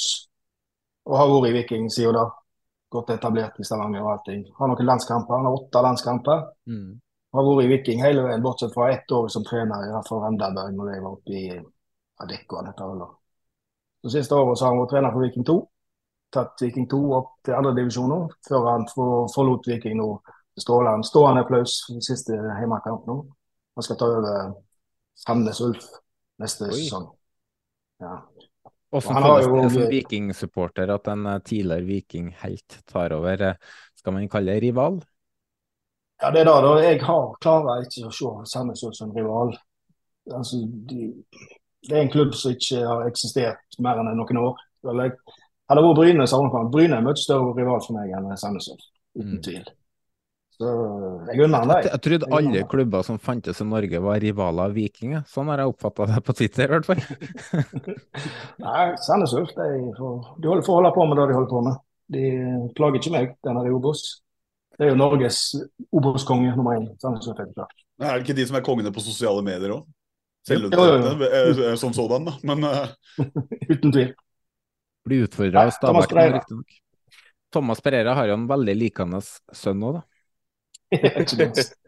Ja, det, det er jo bare ekstra krydder oppi okay. der, da, med sånn kontrastene.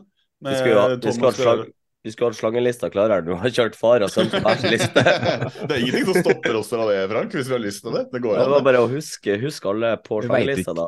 vi vet jo ikke hvem man skal over og under på slangelista. Så Nei, men vi veit jo hvem som er på toppen. Kan ikke bare klinke han rett uh... Er Mathias Nordmann som er der fortsatt, er ikke det? ja, det er kanskje det. Ja. Så, eh, men eh, Thomas Pereira, da. Vi kan jo ta, ta sønnen seinere. Hvis Ja, det er lov å si.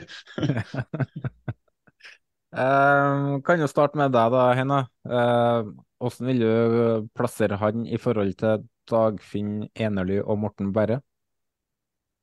Jeg må jo, jeg må jo bak Dagfinn Enerly, selvsagt. Uh, Morten Berre er jo en gammel viking, vikingfavoritt, selvfølgelig. Mest kjent for tida si i Viking. Så Nei, jeg vil jo sette han over, men jeg forstår jo godt at det vil sannsynligvis ikke så mange andre. Hva tenker du da, Frank? Over eller under eh, Morten Berre? Nei, det var det, da. For meg så er jo Morten Berre litt av, der, eh, litt av personifiseringa av lista, da. Eh, Så jeg tror jeg havna på at Thomas Pereira blir midlertidig tredjeplass. Nore, kanskje dumt å spørre deg, eller? Ja, altså, Hvis jeg ikke forsvarer Morten Berre med nebb og klør her nå, så kan jeg bare glemme å komme og se eh, Tromsø-kampen eh, i siste runde, tenker jeg. Men nei, altså, hvis jeg skal være seriøs, da, så Thomas Pereira betyr nok ikke like mye for meg personlig som det gjør for Heine. Men det er det jo med Morten Berre for min del, og kanskje for deg, Jonas. ikke sant? At det går jo på en personlig preferanse, og det er det som gjør dette her vanskelig. Eh, det jeg kan si, er at jeg forstår eh, kandidaturet han får, eh, og at uansett hvordan det går i dag, så blir det jo på pallen. Enn så lenge. Ja, da, da kan jeg avgjøre det, eller gjøre det til at det blir uavgjort her, da. Men jeg, jeg må si jeg er enig at uh, um, sett utenfra så, så opplever jeg at Morten Berre har et eh, større navn i Vålerenga-miljø enn hva Thomas Pereira har i Viking-miljø. Og det er mulig jeg tar feil der, men jeg, de snakker jo ikke noe annet om Morten Berre i, i Vålerenga. Så, så man skulle jo tro at han har avgjort et seriegull for Vålerenga tilbake. Nei, det var andre veien, ja. Stemmer det. Så min feil. Men, uh, og bare pga. det, da, så burde jo egentlig Morten Berre vært den førsteplass på lista. Men uh, vi klinker inn Thomas Pereira på en uh, tredjeplass der. Og så går vi videre. Vi har fått inn, har fått inn en del Twitter-spørsmål. vi har litt dårlig tid her nå. Vi har gått allerede bare se der, ja, 14 minutter over tida. Um, men uh, vi kan ta et par uh, spørsmål her, da. Og vi har fått et fra Nordjus, vår favoritt-Twitter-personlighet. Hvordan spillere hos nedrykksklubbene skal Glimt kjøpe i januar, og hvor mye selges de for i 2025? Det orker ikke jeg å svare konkret på, men vi kan heller uh, se litt på Ålesund. Jeg kan nevne ett et navn Glimt burde ha på blokka, da. Og det er jo ikke gitt at denne klubben rykker ned enda, men det er jo Danilo Alceid. Mm, men han skal til Rosenborg. Uh, vi, kan, vi, kan, se generelt på det. For, for Ålesund har jo allerede rykka ned. Og så kan vi se litt på troppene Ålesund har. Har de noen spillere som kanskje kan hevde seg på en på øvre halvdelklubb i Eliteserien? Heine, du var jo, in, Heine, du var jo innom uh, et navn i stad. Ja da, jeg vet jo Viking har vært etter navn før, han uh, Karlsberg. Og mm. Han er jo en solid spiller. Han, han kunne gjort en god jobb som indreløper, absolutt. Dere har jo erfaring med å selge Karlsbakka også? Ja, ja, ja. Så dette kan vi. Jeg, jeg, er bare, jeg, er bare veldig glad for at uh, Bodø-Glimt allerede har henta Kasper Høeg. For hvis Vålerenga uh, ryker nå, så burde André Ilic stått på blokka. Fordi han minner litt om Botheim. Uh, en ekstremt god duellspiller til å begynne med. Uh, god i presspillet. Men har allerede på den korte tida i Vålerenga også tatt steg med ballen i beina og i relasjonsspillet. Så han burde ha stått på blokka da. Nå kan det jo hende at man har lyst til å satse på det man har med eh, Kasper Høeg som det krydderet der. Eh, det mm, kan jo også være kjipt for Vålerenga hvis man skulle prøvd å presse opp prisen hvis man skulle solgt innenlands, men det er kanskje ikke mulighet for at hvis han først ryker, så går han kanskje utenlands. Ja, det tror jeg at Joker Jønsson kommer til å satse hardt på å få et uh, salg ut av landet. Uh, og rykker Vålerenga ned, så blir ikke Ilic med. Da blir jeg svært overraska, i uh, hvert fall. Uh, Arne J. Johnsen, Franks uh, favorittperson på Twitter, sender at det er hyggelig at en medaljesupporter ignoreres igjen, men vi har jo med oss supporter fra både Glimt og Viking i dag, så jeg skjønner ikke hva han mener med det. Um, ja, jeg tenker vi kan ta et fra Jan Godfrey før vi gir oss, da. Hvordan trenere sitter utrygt nå, og hvor havner Kjetil Rekdal? Den er fin. Ja. Jeg kan i hvert fall si at Bakke sitter ikke uttrykt, så den kan vi bare, kan vi bare, sette, den kan vi bare ta ut. Den er ferdig. Uh, det, er her, det, er jo det her oppe i Molde da, som spurte om han Mo, som vi snakka bitte litt om tidligere. men Jeg, jeg mener jo han ikke sitter uttrykt, da, men det er jo kanskje andre i Molde som hevder det. Men disse trenerduoene som vi meldte skulle ryke først da, uh, i, i, uh, i build-upen vår, eller i starten, når vi var ferske og unge og lovende Den, den ene, ene duoen med Myhre Bakke røyker jo. Ja, men eh, hva med den duoen i Stavanger da, Heine? Er det, er det, fare for at det kan skje noe der? Nei, jeg tror ikke det. Um, Viking kommer til å ta en ny poengrekord. De har aldri tatt så mye poeng før. Og da ser jeg ikke noe Ingen som tipper Viking på hun kjempa medalje to runder før slutt. Kun Rune Edvardsen som skriker veldig høyt uh, forrige helg. Han skulle jo være Han sendte meg melding jeg skal være med hos dere i morgen. han hadde mye som skulle ut. Men når mandagen ja. kom og alkoholen var ute av blodet, så var det ikke så farlig. men når, ser, når vi kommer til desember, midten av desember, så tror jeg vi ser tilbake på at det har vært en bra sesong. Mm. Og så uh, håper vi kan bygge på det til neste år. Målen, da? Svein ja. Målen han sitter neppe veldig trygt. Eh, nå har det jo vært en sak om at det finnes noen Rosenborg-spillere som eh, profilerte Rosenborg-spillere som gjerne skulle se han videre. Eh, ja. Men eh, det ligger vel litt i kortet at han ikke har svart på den der jobbsøknaden og sjansen han fikk. Han jeg tror denne... ikke Kjetil Rekdal havner der også. Jeg tror ikke nei, det. Nei, men det spørsmålet var todelt. Det var ikke sånn hvem ryker og, og Kjetil Rekdal må havne der. For det er et vanskelig spørsmål. Rosenborg, eller Dorsin og Berdal har vært i um, Sverige og prata med trenerduoen til Djurgården uh, nå, så um, Nei, jeg tror ikke det er målene. Og hvis målene har vært, eller at han står øverst på lista til Rosenborg, så hadde han fått jobben allerede. Han, uh, det føler jeg meg ganske trygg på. Han håper i hvert fall det. Men del to... Det skal trenerduo, det òg? Rosenborg? Er det det du sier? Ja, det, det er jo det, men de Djurgården er jo, de er jo trenere. Viking går foran. Mm, Viking går foran. Frank?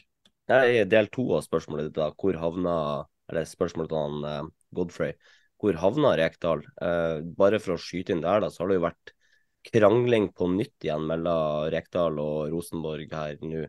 Og det er jo betenkelig det her med det at Rekdal har vært i krangel nå med Start etter han forlot dem, vært i krangel med HamKam etter han forlot dem, og vært i krangel med Rosenborg etter han forlot dem. Så det er sånn, er det noen klubber som vil, vil ansette han Rekdal akkurat nå, sånn som etterslepene og etterspillene blir da? Det, er jo, det må man i hvert fall tenke seg opp to ganger. Det er ingen klubber i Eliteserien som kommer til å få Kjell Rekdal som trener i det vinter. For Hvis du ser på det liksom objektivt, så de klubbene som kanskje er på jakt etter trener, er jo eh, f.eks. Rosenborg. Det er jo helt uaktuelt. Vi havner jo ikke der. Og så eh, ser man jo også at eh, det er veldig mange klubber som står støtt med trenervalget sitt om dagen, uansett hvor de er på tabellen. Så det er ikke sånn at han får krangla seg inn i i, i, Tromsø, tror jeg, selv om, eh, eh, selv om, eh, det skulle skje noe der. ikke sant? Og i Lillestrøm så er han jo helt uaktuell. Ja, og Vålerenga vil det ikke skje noe. I Ålesund skjer det neppe noe, for de vil ha tenkt Obos lenge. Stabæk og Bob Bradley, om de rykker ned, det er jo giftermål som kommer til å vare neste sesong uansett. Så Sandefjord ja, det, det er nå ikke så sikkert at Bradley blir med Stabæk ned hvis de rykker ned. Nei, det er sant. Det, men, men, men han er jo Stabæk-mannen, da, på en måte. Altså, Han brenner jo for klubben jeg tror ikke at han Rekdal gjør sånn som han Lars Bohin når han går til Obos og rykker ned der også. Jeg tror han Rekdal ikke vil tilbake i den divisjonen heller. Så for meg så er jo kanskje Kanskje er han Rekdal bedre egnet for å ta et landslag enn et klubblag? Kanskje. Jeg har eh, lansert han som landslagstrener i mange år, ja, men jeg er litt mer betenkt nå. Altså, du er inne på det, Frank. Det, han er ute igjen og skyter. og Uh, nå fikk han sparken i uh, Er vi tilbake i mai, eller var det tidlig juni? Det, det husker ikke jeg helt. Juni, tror jeg. Juni. Ja, og alt har roa seg, det hadde vært stilt, og så er han ute og bare piu, piu, piu, piu, og skyter igjen. og Men det er deilig, da. Det er superdeilig. Det, det, er jo, det, er jo, moro sånn sett for, eh, for interesse, og at det skjer ting, og at det meldes, men han bør jo begynne å lære seg når han skal holde kjeft, da. Altså, og han, han, klager jo ikke på Rosenborg, da. Det gjør han jo ikke. Nå skyter han jo mot målen. og uh, Det er jo fair, det, men uh, han burde jo kanskje ha gjort det for tre måneder siden og ikke komme med det nå. For det føler jeg at det har jo det er en sak som har lagt seg, og så blusser det opp igjen. Da. Så uh, Selv om han har noen poeng der, så syns jeg han bommer så um, kraftig på timinga på det hele. Uh, siste spørsmål fra Jan Godfrey. Kan Brann ta en Viking og tape de to siste kampene? Heina? Nei, dessverre. Nei, dessverre. De er for gode. Frank? Jeg har eh, satt med den eh, kalkulatoren på nytt igjen i dag for å spå de siste to rundene, og jeg landa på det at Brann For tre pluss tre blir vanskelig, liksom? Du må Ja, nei, men, men, det var bare for å se hvordan ser det ut på i forhold til mål, målforskjell og alt òg, for det er ganske tett mellom Viking og Tromsø på målforskjell i tillegg, hvis Viking tar, det her, eh, tar igjen Tromsø på de poengene. Jeg satt der og lekte med det, og jeg spår det at Brann tar fire poeng, Tromsø tar fire poeng, og Viking tar seks poeng. Viking går forbi Tromsø på målforskjell siste serierunde. Klok mann du, Frank, har du alltid sagt. Frank har eh, faktisk truffet veldig bra på de spådommene her eh, tidligere. Han uh, prøvde å fortelle meg at HamKam de slår Viking. Jo, de slår Viking. Nei, nei, nei. Frank hadde rett igjen, gitt. Så han, han glimtet til. Det var det vi hadde i dag, og da må vi som vanlig takke Jan Erik Balto for eh, alle hans bidrag med episodebilder til oss. Uh, Jesper Horten Skjærnes for, uh, for jingler og um, outro. Uh, Færre begravelsesbyrå som sponser Ålesunds nedrykk. Og gjestene Heine Vikanes og Marius Skjelbæk. Neste ukes episode har jeg, som har jeg vært ja, inne på tidligere. Du glemte en gjest. Ja, sorry. Snorre Feldal. Han andre. Takk. Vi er trolig tilbake neste uke med en spesialepisode. Har du et siste ord, Snorre? All right.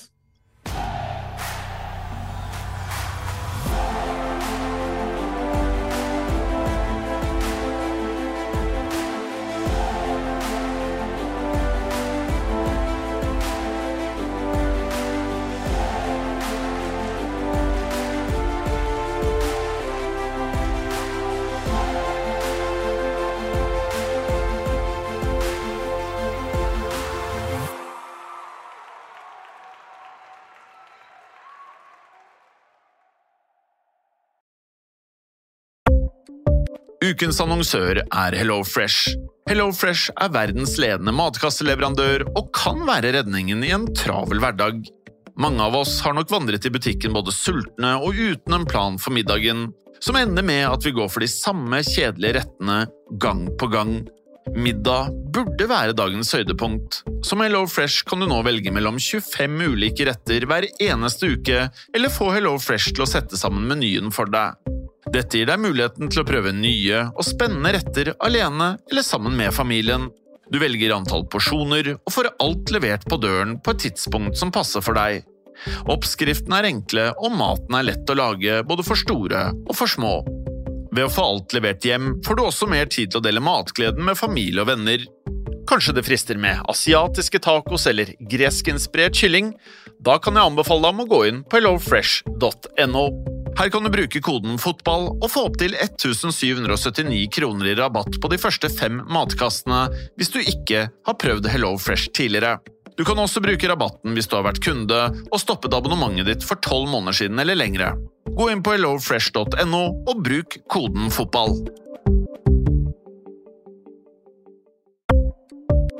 Ukens annonsør er Folio, en smartere banktjeneste for deg som har en egen bedrift eller ønsker å starte for deg selv.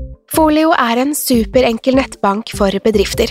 Som kunde i Folio får du en bedriftskonto med et bedriftskort og app. I denne appen er det smarte løsninger som forenkler regnskapet ditt, uansett om du har en liten bedrift eller et enkeltpersonsforetak. Folio er både intuitivt og brukervennlig, og er laget med et enkelt språk. I tillegg tilbyr de forutsigbare priser og ingen skjulte gebyrer. Skulle du likevel trenge det, så kan du snakke med deres raske og hyggelige kundeservice, og der får du prate med en faktisk person og ikke en chatbot. Folio er med andre ord både enklere og koseligere enn banken. Over 10 000 bedrifter har allerede valgt Folio som sin banktjeneste, så besøk folio.no og se hvordan Folio kan forenkle din hverdag også. Har du et enkeltpersonforetak eller en liten bedrift? Da er du sikkert lei av å høre meg snakke om hvor enkelt det er med kvitteringer og bilag i fiken, så vi gir oss her, vi. Fordi vi liker enkelt. Fiken superenkelt regnskap.